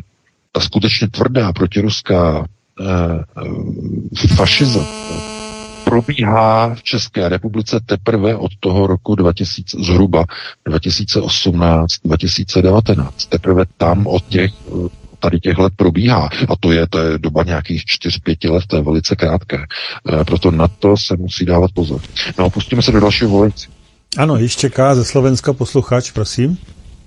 Hm, dobrý večer, to je posluchač Bratislavy. Chcel by sa pána Beka opýtať, že pri terajšej situácii vo svete, keď reálne hrozí jadrová tretia svetová vojna, či mimozemské, mimozemské entity, ktoré vlastne sledujú našu planetu a záleží im na zachovaní nejakú celku nepoškodenú, či majú technológie, ktoré by dokázali zabrániť štartu strategických medzikontinentálnych rakiet alebo technológie, ktoré by vedeli deaktivovať hlavice týchto rakiet.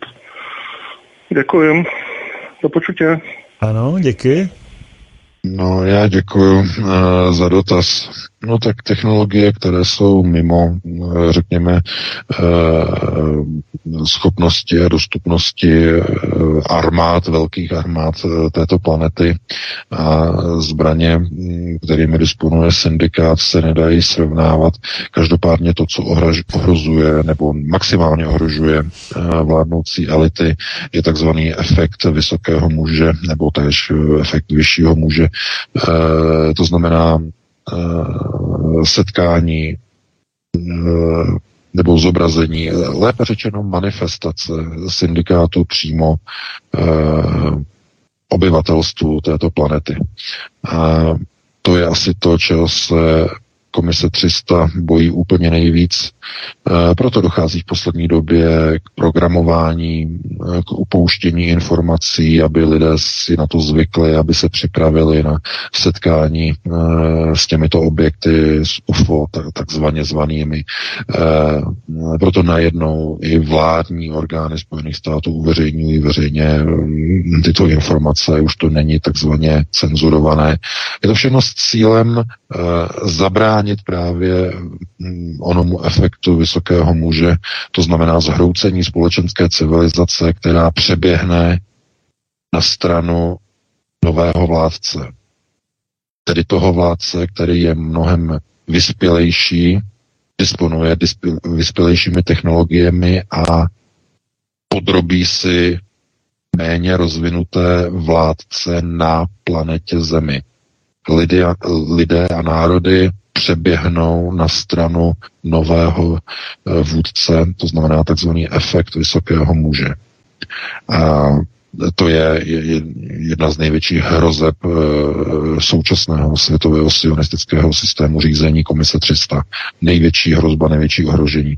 Ve chvíli, kdy národy by zjistili, že eh, přestanou podléhat takzvaně globálním strukturám a vrhnou se do náruče syndikátu. Jehož meziplanetární lodě zaparkují ve, výš, ve výšce 500 metrů nad hlavními městy e, nehybně jednotlivých států. V tom okamžiku dojde ke zhroucení světové vlády Komise 300. Tomuto oni chtějí zabránit. E, proto se nedivte, že Hollywood točí různá programovací videa, nejenom Hollywood, ale i na, na Netflixu a na všech streamovacích platformách e, různé filmy a seriály o příchodu prostě nové civilizace a tak dále a tak dále. E, je to všechno příprava obyvatelstva na tenhle ten efekt, aby lidé nebyli připraveni. Takže pustíme se do dalšího volajícího. Ano, je to připravený, prosím, můžete. Dobrý večer, zdravím všechny ve studiu a všechny posluchače, Jirka Hostivář.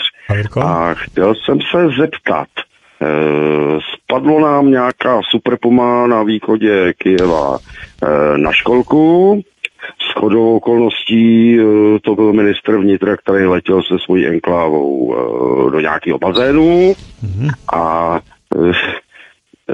mezi tím tam byl těsně předtím e, šéf CIA, Jestli to má souvislost o nějaký dělení kořisti nebo o co jde. Mhm, dobře. Budu vás poslouchat. Díky, měj se, ahoj. Tak. No ano, já děkuji za dotaz. No tam byl ten důvod, že oni eh, letěli příliš nízko, protože měli strach, že někdo se střelí. Eh, letěli asi 15 metrů nad zemí a školky, uh, obrovská tragédie. No, jenže, chápete, to je Ukrajina. Na Ukrajině je možné úplně všechno. Ukrajina to je něco podobné jako Česko, které snese všechno, ale na té Ukrajině je to umocněné ještě na druhou. Eh, prostě posadit celou vládu do jednoho stroje a ten stroj potom spadne. Teď je otázka, jestli to navigování bylo eh, opravdu důsledkem omylu, anebo někdo té vlády, nebo toho ministra, že a, te, tí, toho sboru ministrů se chtěla prostě zbavit. to znamená vnitřní boj, silový mocenský boj okolo Zelenského. To je otázka. No, eh, jakou to může mít souvislost?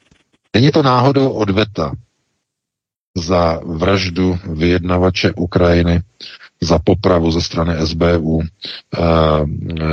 ukrajinského vrch, vysokého vyjednavače s Rusama, uh, který byl popraven teď před několika dny. no samozřejmě na Telegramu už jedou prostě teorie, že to byla odveta lidí z okruhu generálního štábu, eh, protože tam je samozřejmě, tam zuří obrovský mocenský boj mezi tajnou službou SBU, která je okolo Zelenského a mezi generálním štábem a mezi sebou si vybíjí své hlavouny. To znamená, to je Ukrajina, ukrajinizace politiky. Hmm. Možná, že tohle přijde i do Prahy, protože s fialovou vládou je možné, že si mezi sebou taky začnou svoje koně eh, takzvaně terminovat, eh, protože eh, jestliže ta ukrajinizace bude probíhat takhle silně do čeru, jako probíhá, tak eh, společně s tou Ukrajinou eh, přijdou i politické zákulisní procesy ukrajinizace politiky a to potom se Fialová vláda bude mít na co těšit. Takže bych jenom takhle s přesahem komentoval, no a pustíme se do dalšího volajícího. Hlavně, ať to není na školku, ať to třeba nad budovou starosti Prahy 6, třeba to bylo ideální, kdyby něco takového spadlo. Pojďme dál. Takže předpokládám, že někdo je na telefonu, mě to, to nějak zlobí teďko. Halo, slyšíme se? Ano. Tak výborně, jste ve vysílání, můžete mluvit. Dobrý den, zdravím všechny, posluchačka z Vrbna pod Braděrem a chtěla bych v prvé řadě poděkovat panu VK za vysvětlení, jak je to s tou degenerací a rozežraností. To je pravda a já si myslím, že to má souvislost i s těma politikama, že oni kdyby nebyli tak rozežraní, tak nemůžu se takhle chovat, ale to je mimo. Moje otázka zní, jestli pan VK si opravdu myslí, že voliči mohou něco změnit. Tady jsou dvě špatné volby. Včera mi volala paní a říkala, víš, to je jako když blecha si myslí, že porazí velblouda. My nemůžeme nic změnit, ať už zvolíme jednoho nebo druhého, protože oba dva budou poslouchat diktát zvenčí. A ten, ta válka není uh, proti Rusku, není Ukrajina Rusko, ale je to USA Rusko. Oni nás akorát používají. A i ta 91-letá paní tohle vidí.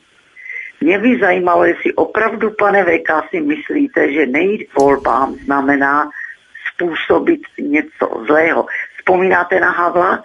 Kdo ho zvolil? Kdo ho náhrad dostal? Lidi? Ne. On byl vybrán v USA. Děkuji vám za odpověď. Tak jo, děkujem. No, děkuji. No, Václav Havel, především, když teda Václav, Václav Havel nebyl vybrán z USA, ten byl vybraný v Moskvě, e, že e, takzvanou čtvr, e, čtvrtým, čtvrtou komisí KGB, že jeho krycí svodka chudožník K1, krycí tedy umělec, že chudožník bylo krycí jméno Václava Havla svodce KGB, Eh, ne, ne Spojené státy. Židovské organizace dostaly Václava Havla k moci eh, v roce 90. Byli připraveni samozřejmě sionistický proces řízení, eh, zastřešený tady odsud z Německa, z Měchova, kamitétem. Tohleto, ale aby jsme se vrátili k současným procesům té druhé volby, toho druhého kola voleb. Uh, jestli nejít k volbám, jako znamená uh, skutečně volit nepřímo generála Pavla. Podívejte se. Andrej Babiš, ten rozdíl mezi generálem Pavlem a Andrejem Babišem je, že Andrej Babiš má co ztratit, na rozdíl od generála Pavla. A ten samotný fakt, že má co ztratit, je tím garančním bezpečnostním mechanismem, že nepůjde. Babiš totiž není eh, politik, který půjde přes mrtvoly. To doufám jste viděli během jeho vlády, eh, že eh, dělá procesy jak v Evropské unii, blokační mechanismy, tak, aby se udržel u moci v České republice, aby nenaštval voliče, víte, takové ty mechanismy jako zablokování kvót na migranty, eh, které prosadil Babiš v Evropské unii a tak dále. Eh, a zároveň dosadil eh, Evu Jourovou do komise, aby zase to měl dobře takzvaně s globalistickými předáky, to znamená ten systém vyvažování jedno plus, druhé minus. Tohle je typický Babiš, to znamená vyvažování. A v této katastrofální situaci potřebujeme někoho, kdo má právě tuhletu pojistku. To znamená, není všeho schopný. Ve chvíli, podívejte se na vládu Petra Fialy, to je vláda všeho schopných lidí, naprosto všeho schopných. A kdyby se dostal k moci všeho schopný jejich kandidát, Fiala, agent, rozvědčík, bývalý kádr a šéf základní organizace KSČ na Praze 3, tuším PH3, e, eh, tak e, to by to znamenalo? No, znamenalo by to samozřejmě zatržení České republiky do války s velkou pravděpodobností. S velkou v nějaké formě, v nějaké podobě a v nějakém časovém e, blíže neurčeném horizontu. Takže v téhle chvíli ano, opravdu nejít k volbám znamená volit tragédii, katastrofu pro národ. Zcela jednoznačně. A e, proto já říkám, že kdyby v tom druhém kole byl, byla Nerudová s Pavlem, bylo by to mnohem jednodušší pro alternativu. Zkrátka by se nešlo k volbám, protože tam by nebylo koho volit a mohli bychom být úplně v klidu, protože volit jednoho kandidáta Fialovy vlády nebo druhého by nemělo smysl. Ale teď máme alespoň tu možnost e, dosadit tam Babiše, který bude žrát krev jak Fialově vládě, tak i pražské Havlérce. A jenom díky tomu a jenom kvůli tomu je třeba eh, tuhle tu volbu opravdu zvážit. Takže takhle bych na to reagoval, no a pustíme se do dalšího volajícího. Který je na telefonu, tak prosím. No, dobrý večer, slyšíme se? Ano, prosím, povídejte. No, dobrý večer. Tady je Miluše z Vysočiny. Já nemám dotaz, ale mám, zdravím samozřejmě všechny pány. A mám, takovej, mám takovou poznámku. Tady máme podnikatele, eh, který teda zaměstnává Ukrajince. Ti Ukrajinci odjeli nějak těsně předtím, než eh, vlastně začal ten konflikt v tím únoru nebo v lednu domů si vyřizovat nějaký další pracovní povolení už je sem samozřejmě nepustili. Ale chci říct, že ten pan podnikatel říká, že oni teda jako neválčí a že teda ani nemusí do války. Prostě sedí doma jenom a nepustí je teda přes hranice k nám. Takže jenom tohle jsem chtěla jakoby podotknout, že je to takový zajímavý, že naši vlastně by tam měli jít nebo i jiní vojáci a e, prostě tyhle ty místní to vlastně nemusí poslechnout. Tohle mám aspoň od něj takovou informaci. To je všechno, nebudu zdržovat, děkuju. Naschle. Zdravíme na Vysočinu, hezký večer. No, eh, já děkuji za dotaz, eh, to je dobrá informace. Eh, já jenom paní trochu uvedu do reality. Všichni Ukrajinci, kteří pracují na západě v Evropské unii, tak si vydělají peníze skutečně v takových objemech, o kterých se Ukrajincům na Ukrajině ani nezdá. Ty lidé jsou, jsou opravdu movití, a když se vrátí na Ukrajinu, tak uh, tam to probíhá tak, že oni posunou obálku odvodové, odvodovému komisaři a tím je to vyřízené. Díky tomu jsou vyškrtnuti a nejsou povoláni. Korupce rozhoduje o, o povolávání na Ukrajině. Pokud máte peníze, tak nejste povoláni na Ukrajině. Stojí to 500 eur jenom pokud by vás to zajímalo. 500 eur do kapsy odvodového komisaře. A to jsou peníze, na které tyhle ti lidé mají. Samozřejmě, když pracují na stavbách v České republice, bez problémů. Proto se dívejte, koho odvádějí. No, odvádějí mladé kluky, Ukrajince, eh, chytají je na diskotékách, žádné peníze nemají, eh, chytají je před eh, nákupními diskontními centry, kam chodí nakupovat chudí Ukrajinci, tam chytají své ovečky. No, je to na tele, jsou toho plný telegramový kanály. tam honí po parkovišti chlapíka, že jo, který tam byl nakoupit nějaký diskont a Takhle to funguje zkrátka na té Ukrajině. Tragédie. Takže eh, pustíme se do dalšího volajícího, pokud máme někoho. Ano, čeká, prosím, můžete. Ano, dobrý večer, tady Pavel Střední Čechy. Já mám jenom takový dneska menší zážitek. Pe- pa- Petra Novotního, Pavla Novotního znáte, starostu Repolí. A ten psal na internetu, že by Babišovce vyměnil za Ukrajince, za voliče a nebo za vrahy ze Sýrie, že jo? Já jsem a já jsem mu dneska zatele, zatelefonoval. On mi to vzal, já mu říkám, já se vás chci slušně zeptat, proč chcete podporovat bývalého komunistu generála Pavla, že jo? Nebo rozvědčíka. A on říkal, ty hajzle, vol Babiše. A já říkám, já ne, nevolím Babiše, proč na mě řvete? A on, chcípni. No, no, no to, to, to je neuvěřitelné. Já říkal, jak se to chováte? No a řekl jsem mu, tak seberte svoji rodinu a když máte, když takovýhle, tak běžte bojovat na Ukrajinu se svojí rodinou. A on zase, chcípně hajzle. No tak to byl můj zážitek dneska, to, to, to se nedá prostě. No. Já bych doporučoval příště, kdybyste si mohl ten rozhovor nahrát, protože to bylo skutečně No, to byla moje chyba, já jsem si ho nenahrál. Ale to by, to by se mělo někde... Tak zavolejte, zavolejte znovu, no. on určitě bude stejný. A nahrajte si to. Ale šílený takovýhle lidi vede to, to já prostě nemůžu tady v tom státě, to už to se nedá. To já se nedá. dneska jsem psal generálovi Pavlovi na e-mail, těmhlema lidma se necháváte podporovat, těma lidma, ještě se s nima fotíte. No šílený, no. Haj Danuše, haj Danuše. Aj Danuše, no, to, to vím tak, tak.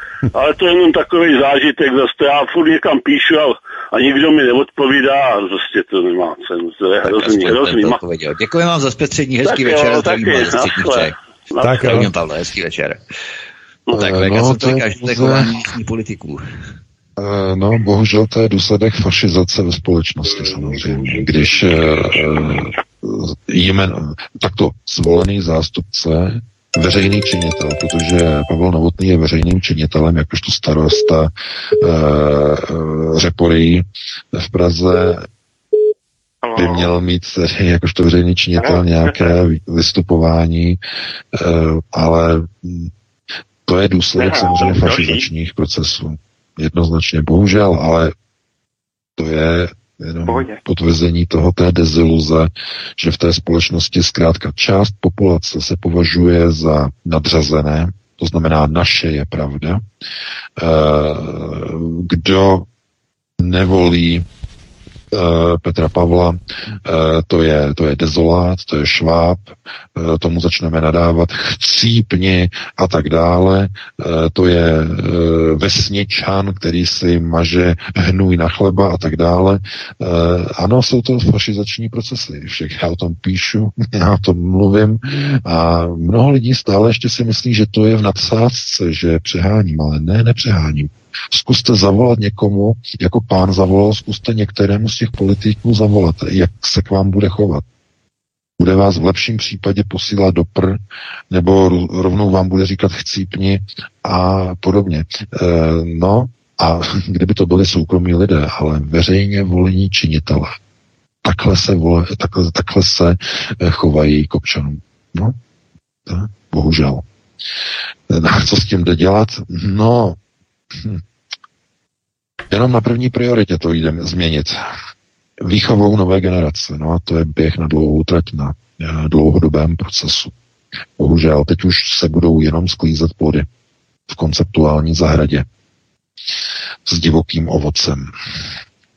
Důsledku voleb, důsledku procesu e, přebírání kontroly na první prioritě České republice po roce 89 z ciziny.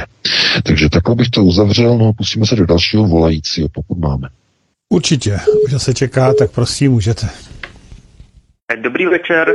Chtěl bych se pana VK zeptat, nebo poprosil na komentář na dvě osobnosti, které měly zajímavý projevy tento týden a jedna byla Henry Kissinger na Světovém ekonomickém fóru, kde se zdá, že úplně otočil v tématu Ukrajiny a druhý to byla tisková konference pana Lavrova, kde úplně otevřeně a už jako skoro bez diplomacie mluvil o tom, že Západ chce Rusko zničit a že chce vyřešit tu konečnou otázku vlastně. Přerovnal to k tomu, tomu židovskému, židovský otázce. Děkuji, hezký večer.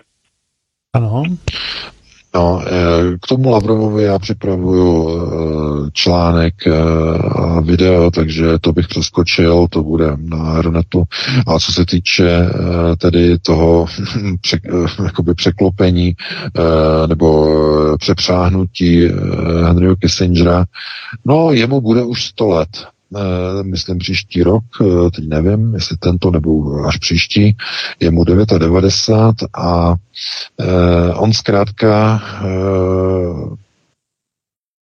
musel přehodit výhybku, protože zřejmě, zřejmě za jeho názory z jara a z, z léta minulého loňského roku mu bylo zřejmě vyhrožováno. To bylo vidět, že bylo to moc, bylo to příliš, protože eh, ten jeho výrok v Davosu, že, jo, eh, že Ukrajina by měla být v Severoatlantické alianci a zároveň, že Rusko by mělo být jako znovu přijato do západních struktur, západních procesů. Eh, to, to bylo postavené proti sobě.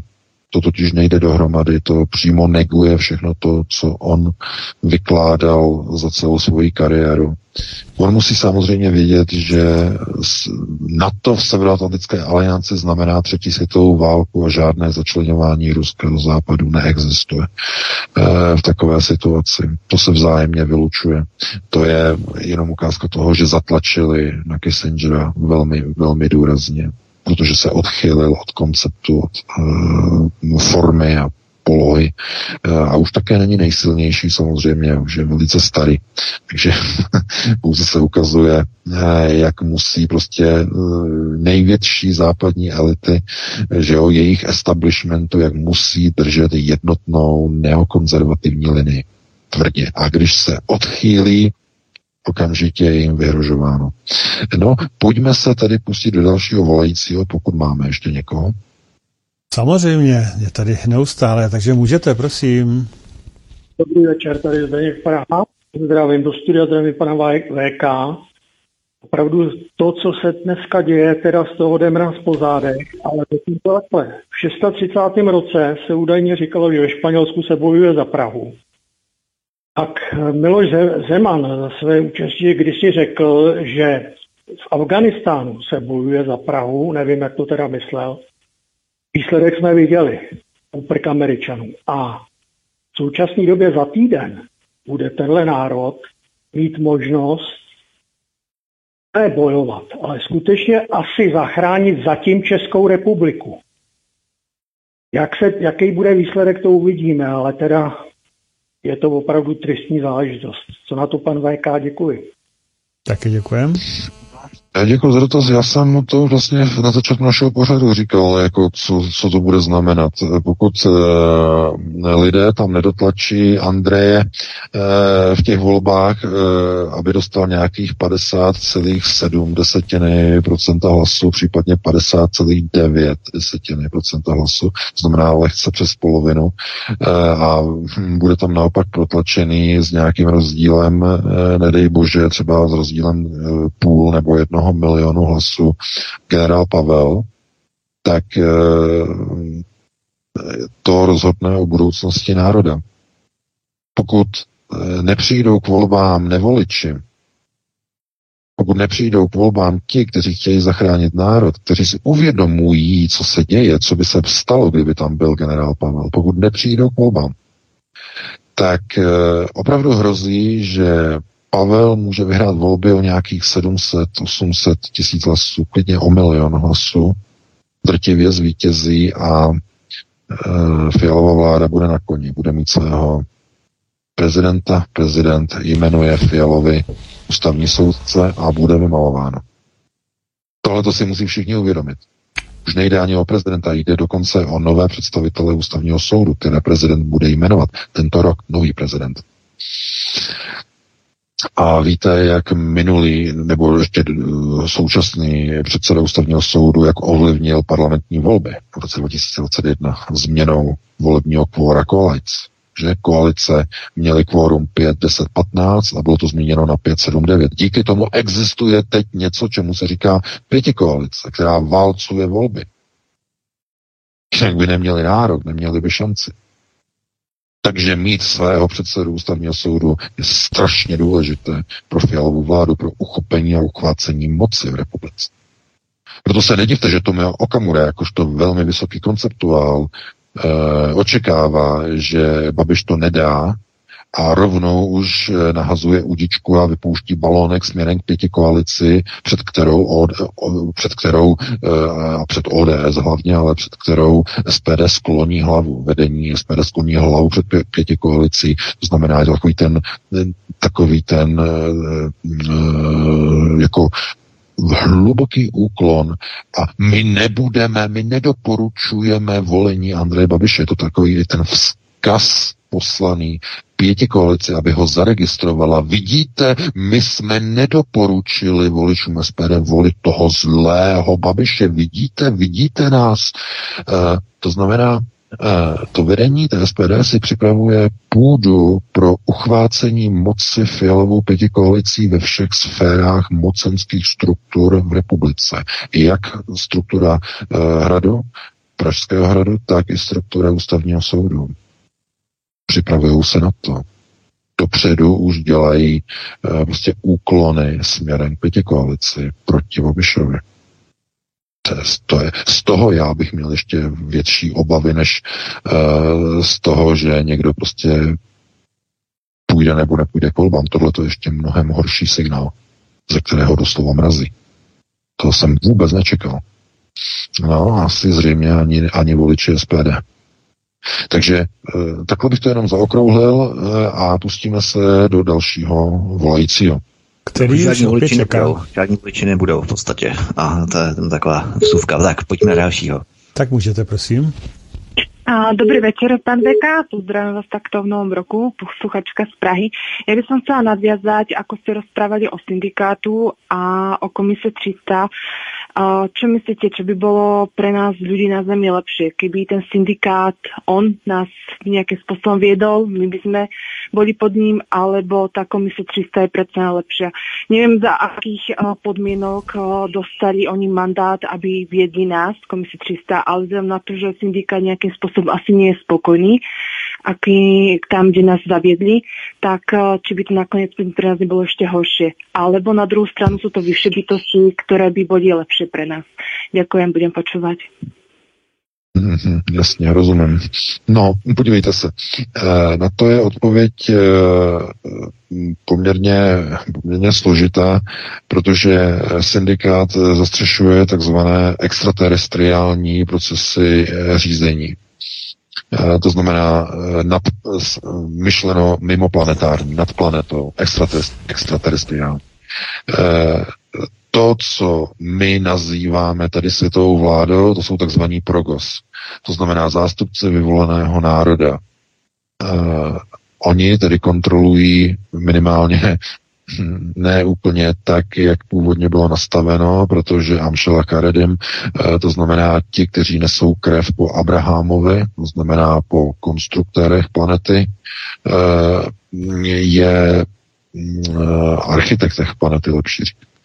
Eh, tak eh, dneska už to většinou neplatí. Dneska mnoho pozic v komisi 300 nedrž, nedrží tedy ti, kteří mají uh, pokrevní linii po Abrahamovi, tedy uh, Amšala Charedem, ale uh, jsou chazarští. To znamená, nejsou to židé po pokrevní linii, ale podle uh, zvolání. To znamená buď podle přijetí ritu, anebo podle uh, halachy. RIT nebo Halacha. A e, víte, že Andrej Babiš e, e, prošel Halachou, to znamená byl u zdinářku, to znamená e, ochrana židovského národa Halacha. E, jiní prošli e, RITy v zednářských organizacích.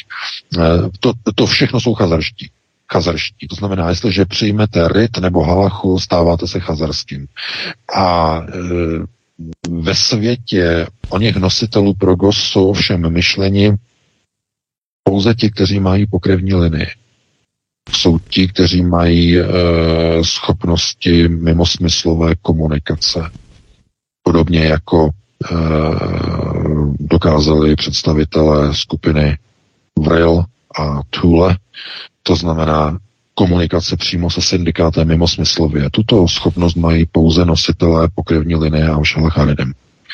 A e, z tohoto pohledu platí, že zájmem syndikátu je udržitelnost té planety, která je přemnožená a došlo k porušení slibu. E, původní plán byl, že Eh, na planetě bude maximálně půl miliardy lidí. To bylo konec konců vyryto na georgijských poradních kamenech. Maximálně půl miliardy. A ten uh, příkaz byl porušen. Syndikát proto uh, požaduje po komisi 300 snížení populace na, tenhle, na tuhletu úroveň. Na 500 miliard. A Všechno to, co bude dělat komise 300, je s cílem udržet si kontrolu nad správcovstvím této planety, to znamená snížení populace na celé planetě do roku 2100. A ptát se, jestli je lepší uh, být pod kontrolou pověřence nebo přímo šéfa, který ten proces nařídil pověřenci, je absurdní. To je iluzorní. Chápete? Takže doufám, že rozumíte uh, tomu, že není mezi tím žádný rozdíl.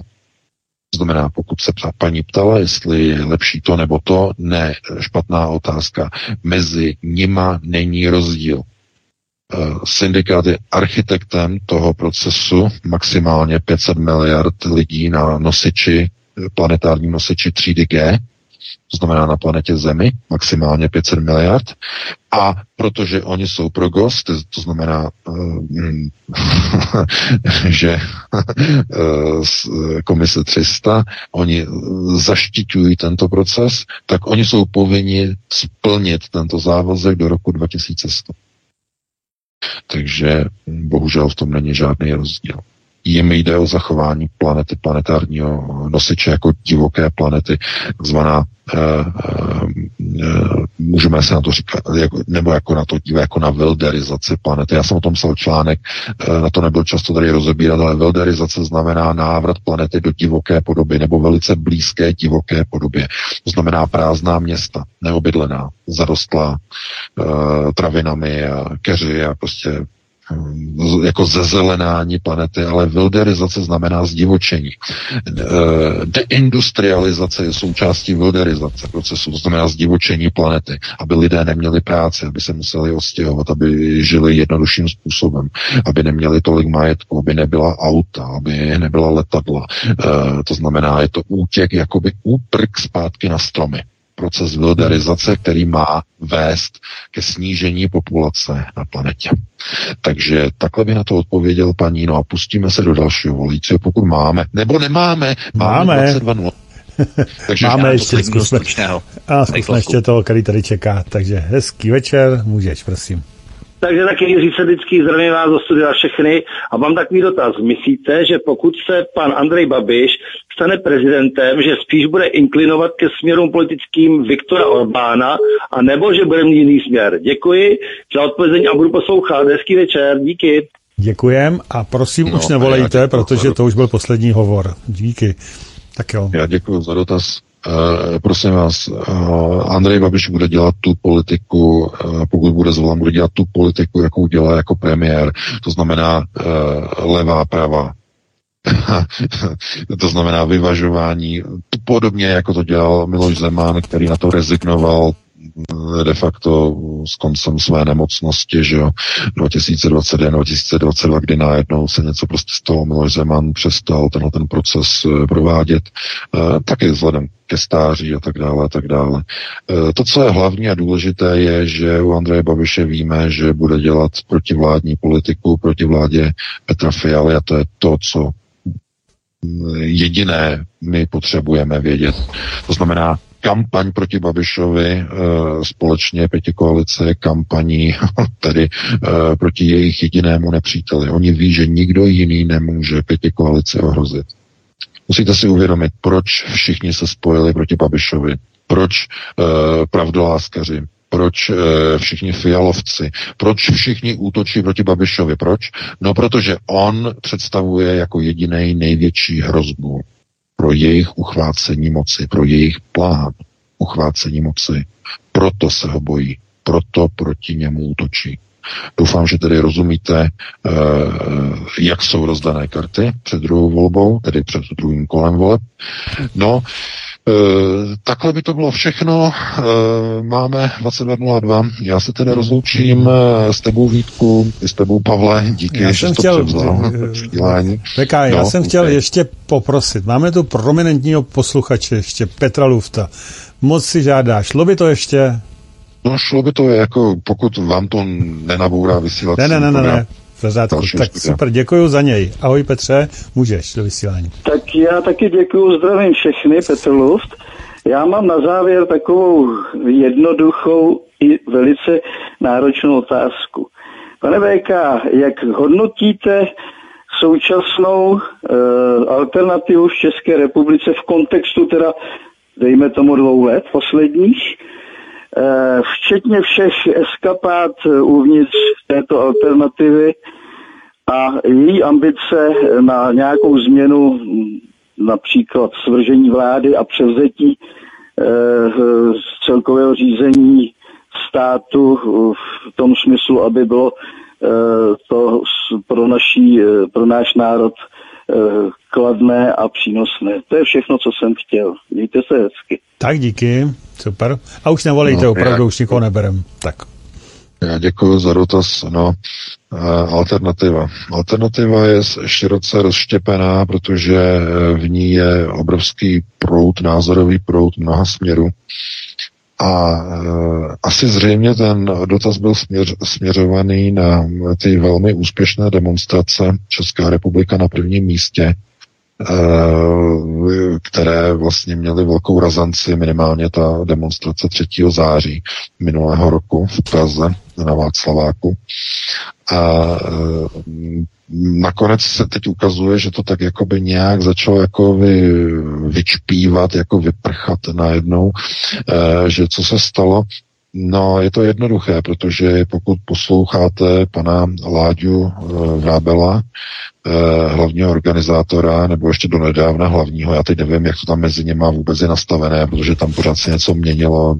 Eh, No teď VK Láďa Vrábel dělá zítra taky demonstraci, to mě ještě poprosil, abych to, abychom to avizovali. Mm. Zítra taky proběhne demonstrace na Václavské náměstí. Bude online připojení i David Icke, který nemůže samozřejmě vkročit do zemí Evropské unie eh, podle vydaného zákazu, takže tam bude online i David Icke. Nicméně bude zítra eh, demonstrace na Václavském náměstí, kde všichni srdečně zveme, jenom taky jménem Ládi Vrábela. Eh, povídej, VK, pokračuj. Takže, takže naštěstí tam ještě je. Zkrát zkrátka se ukazuje, že okolo eh, tady těch demonstrací se prostě vždycky nalepí spousta lidí, eh, která na té alternativě je někde velice blízko tomu mainstreamu, ale mají eh, lehké alternativní směřování. Já jim říkám centristé, a tihleti centristé e, stojí skutečně mezi alternativou a mainstreamem. Jo, to znamená, jsou jakoby ve středu a mají dobré názory, ale zároveň se nechtějí rozejít se strukturami establishmentu. A těch lidí, centristů na alternativě je obrovské množství. Opravdu velmi mnoho. E, Za prvé není u nich vidět příliš mnoho konceptuální gramotnosti. Nechápou eh, hlavní příčiny problému vůbec mocenského uchopení moci po roce 1989 v Československu, později v České republice.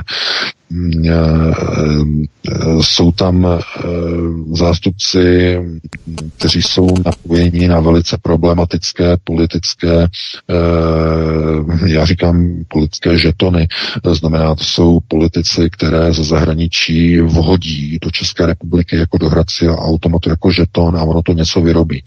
Ten politik něco udělá pro ten západ, to znamená, to jsou politika žetonů, o tom bychom někdy mohli taky popovídat.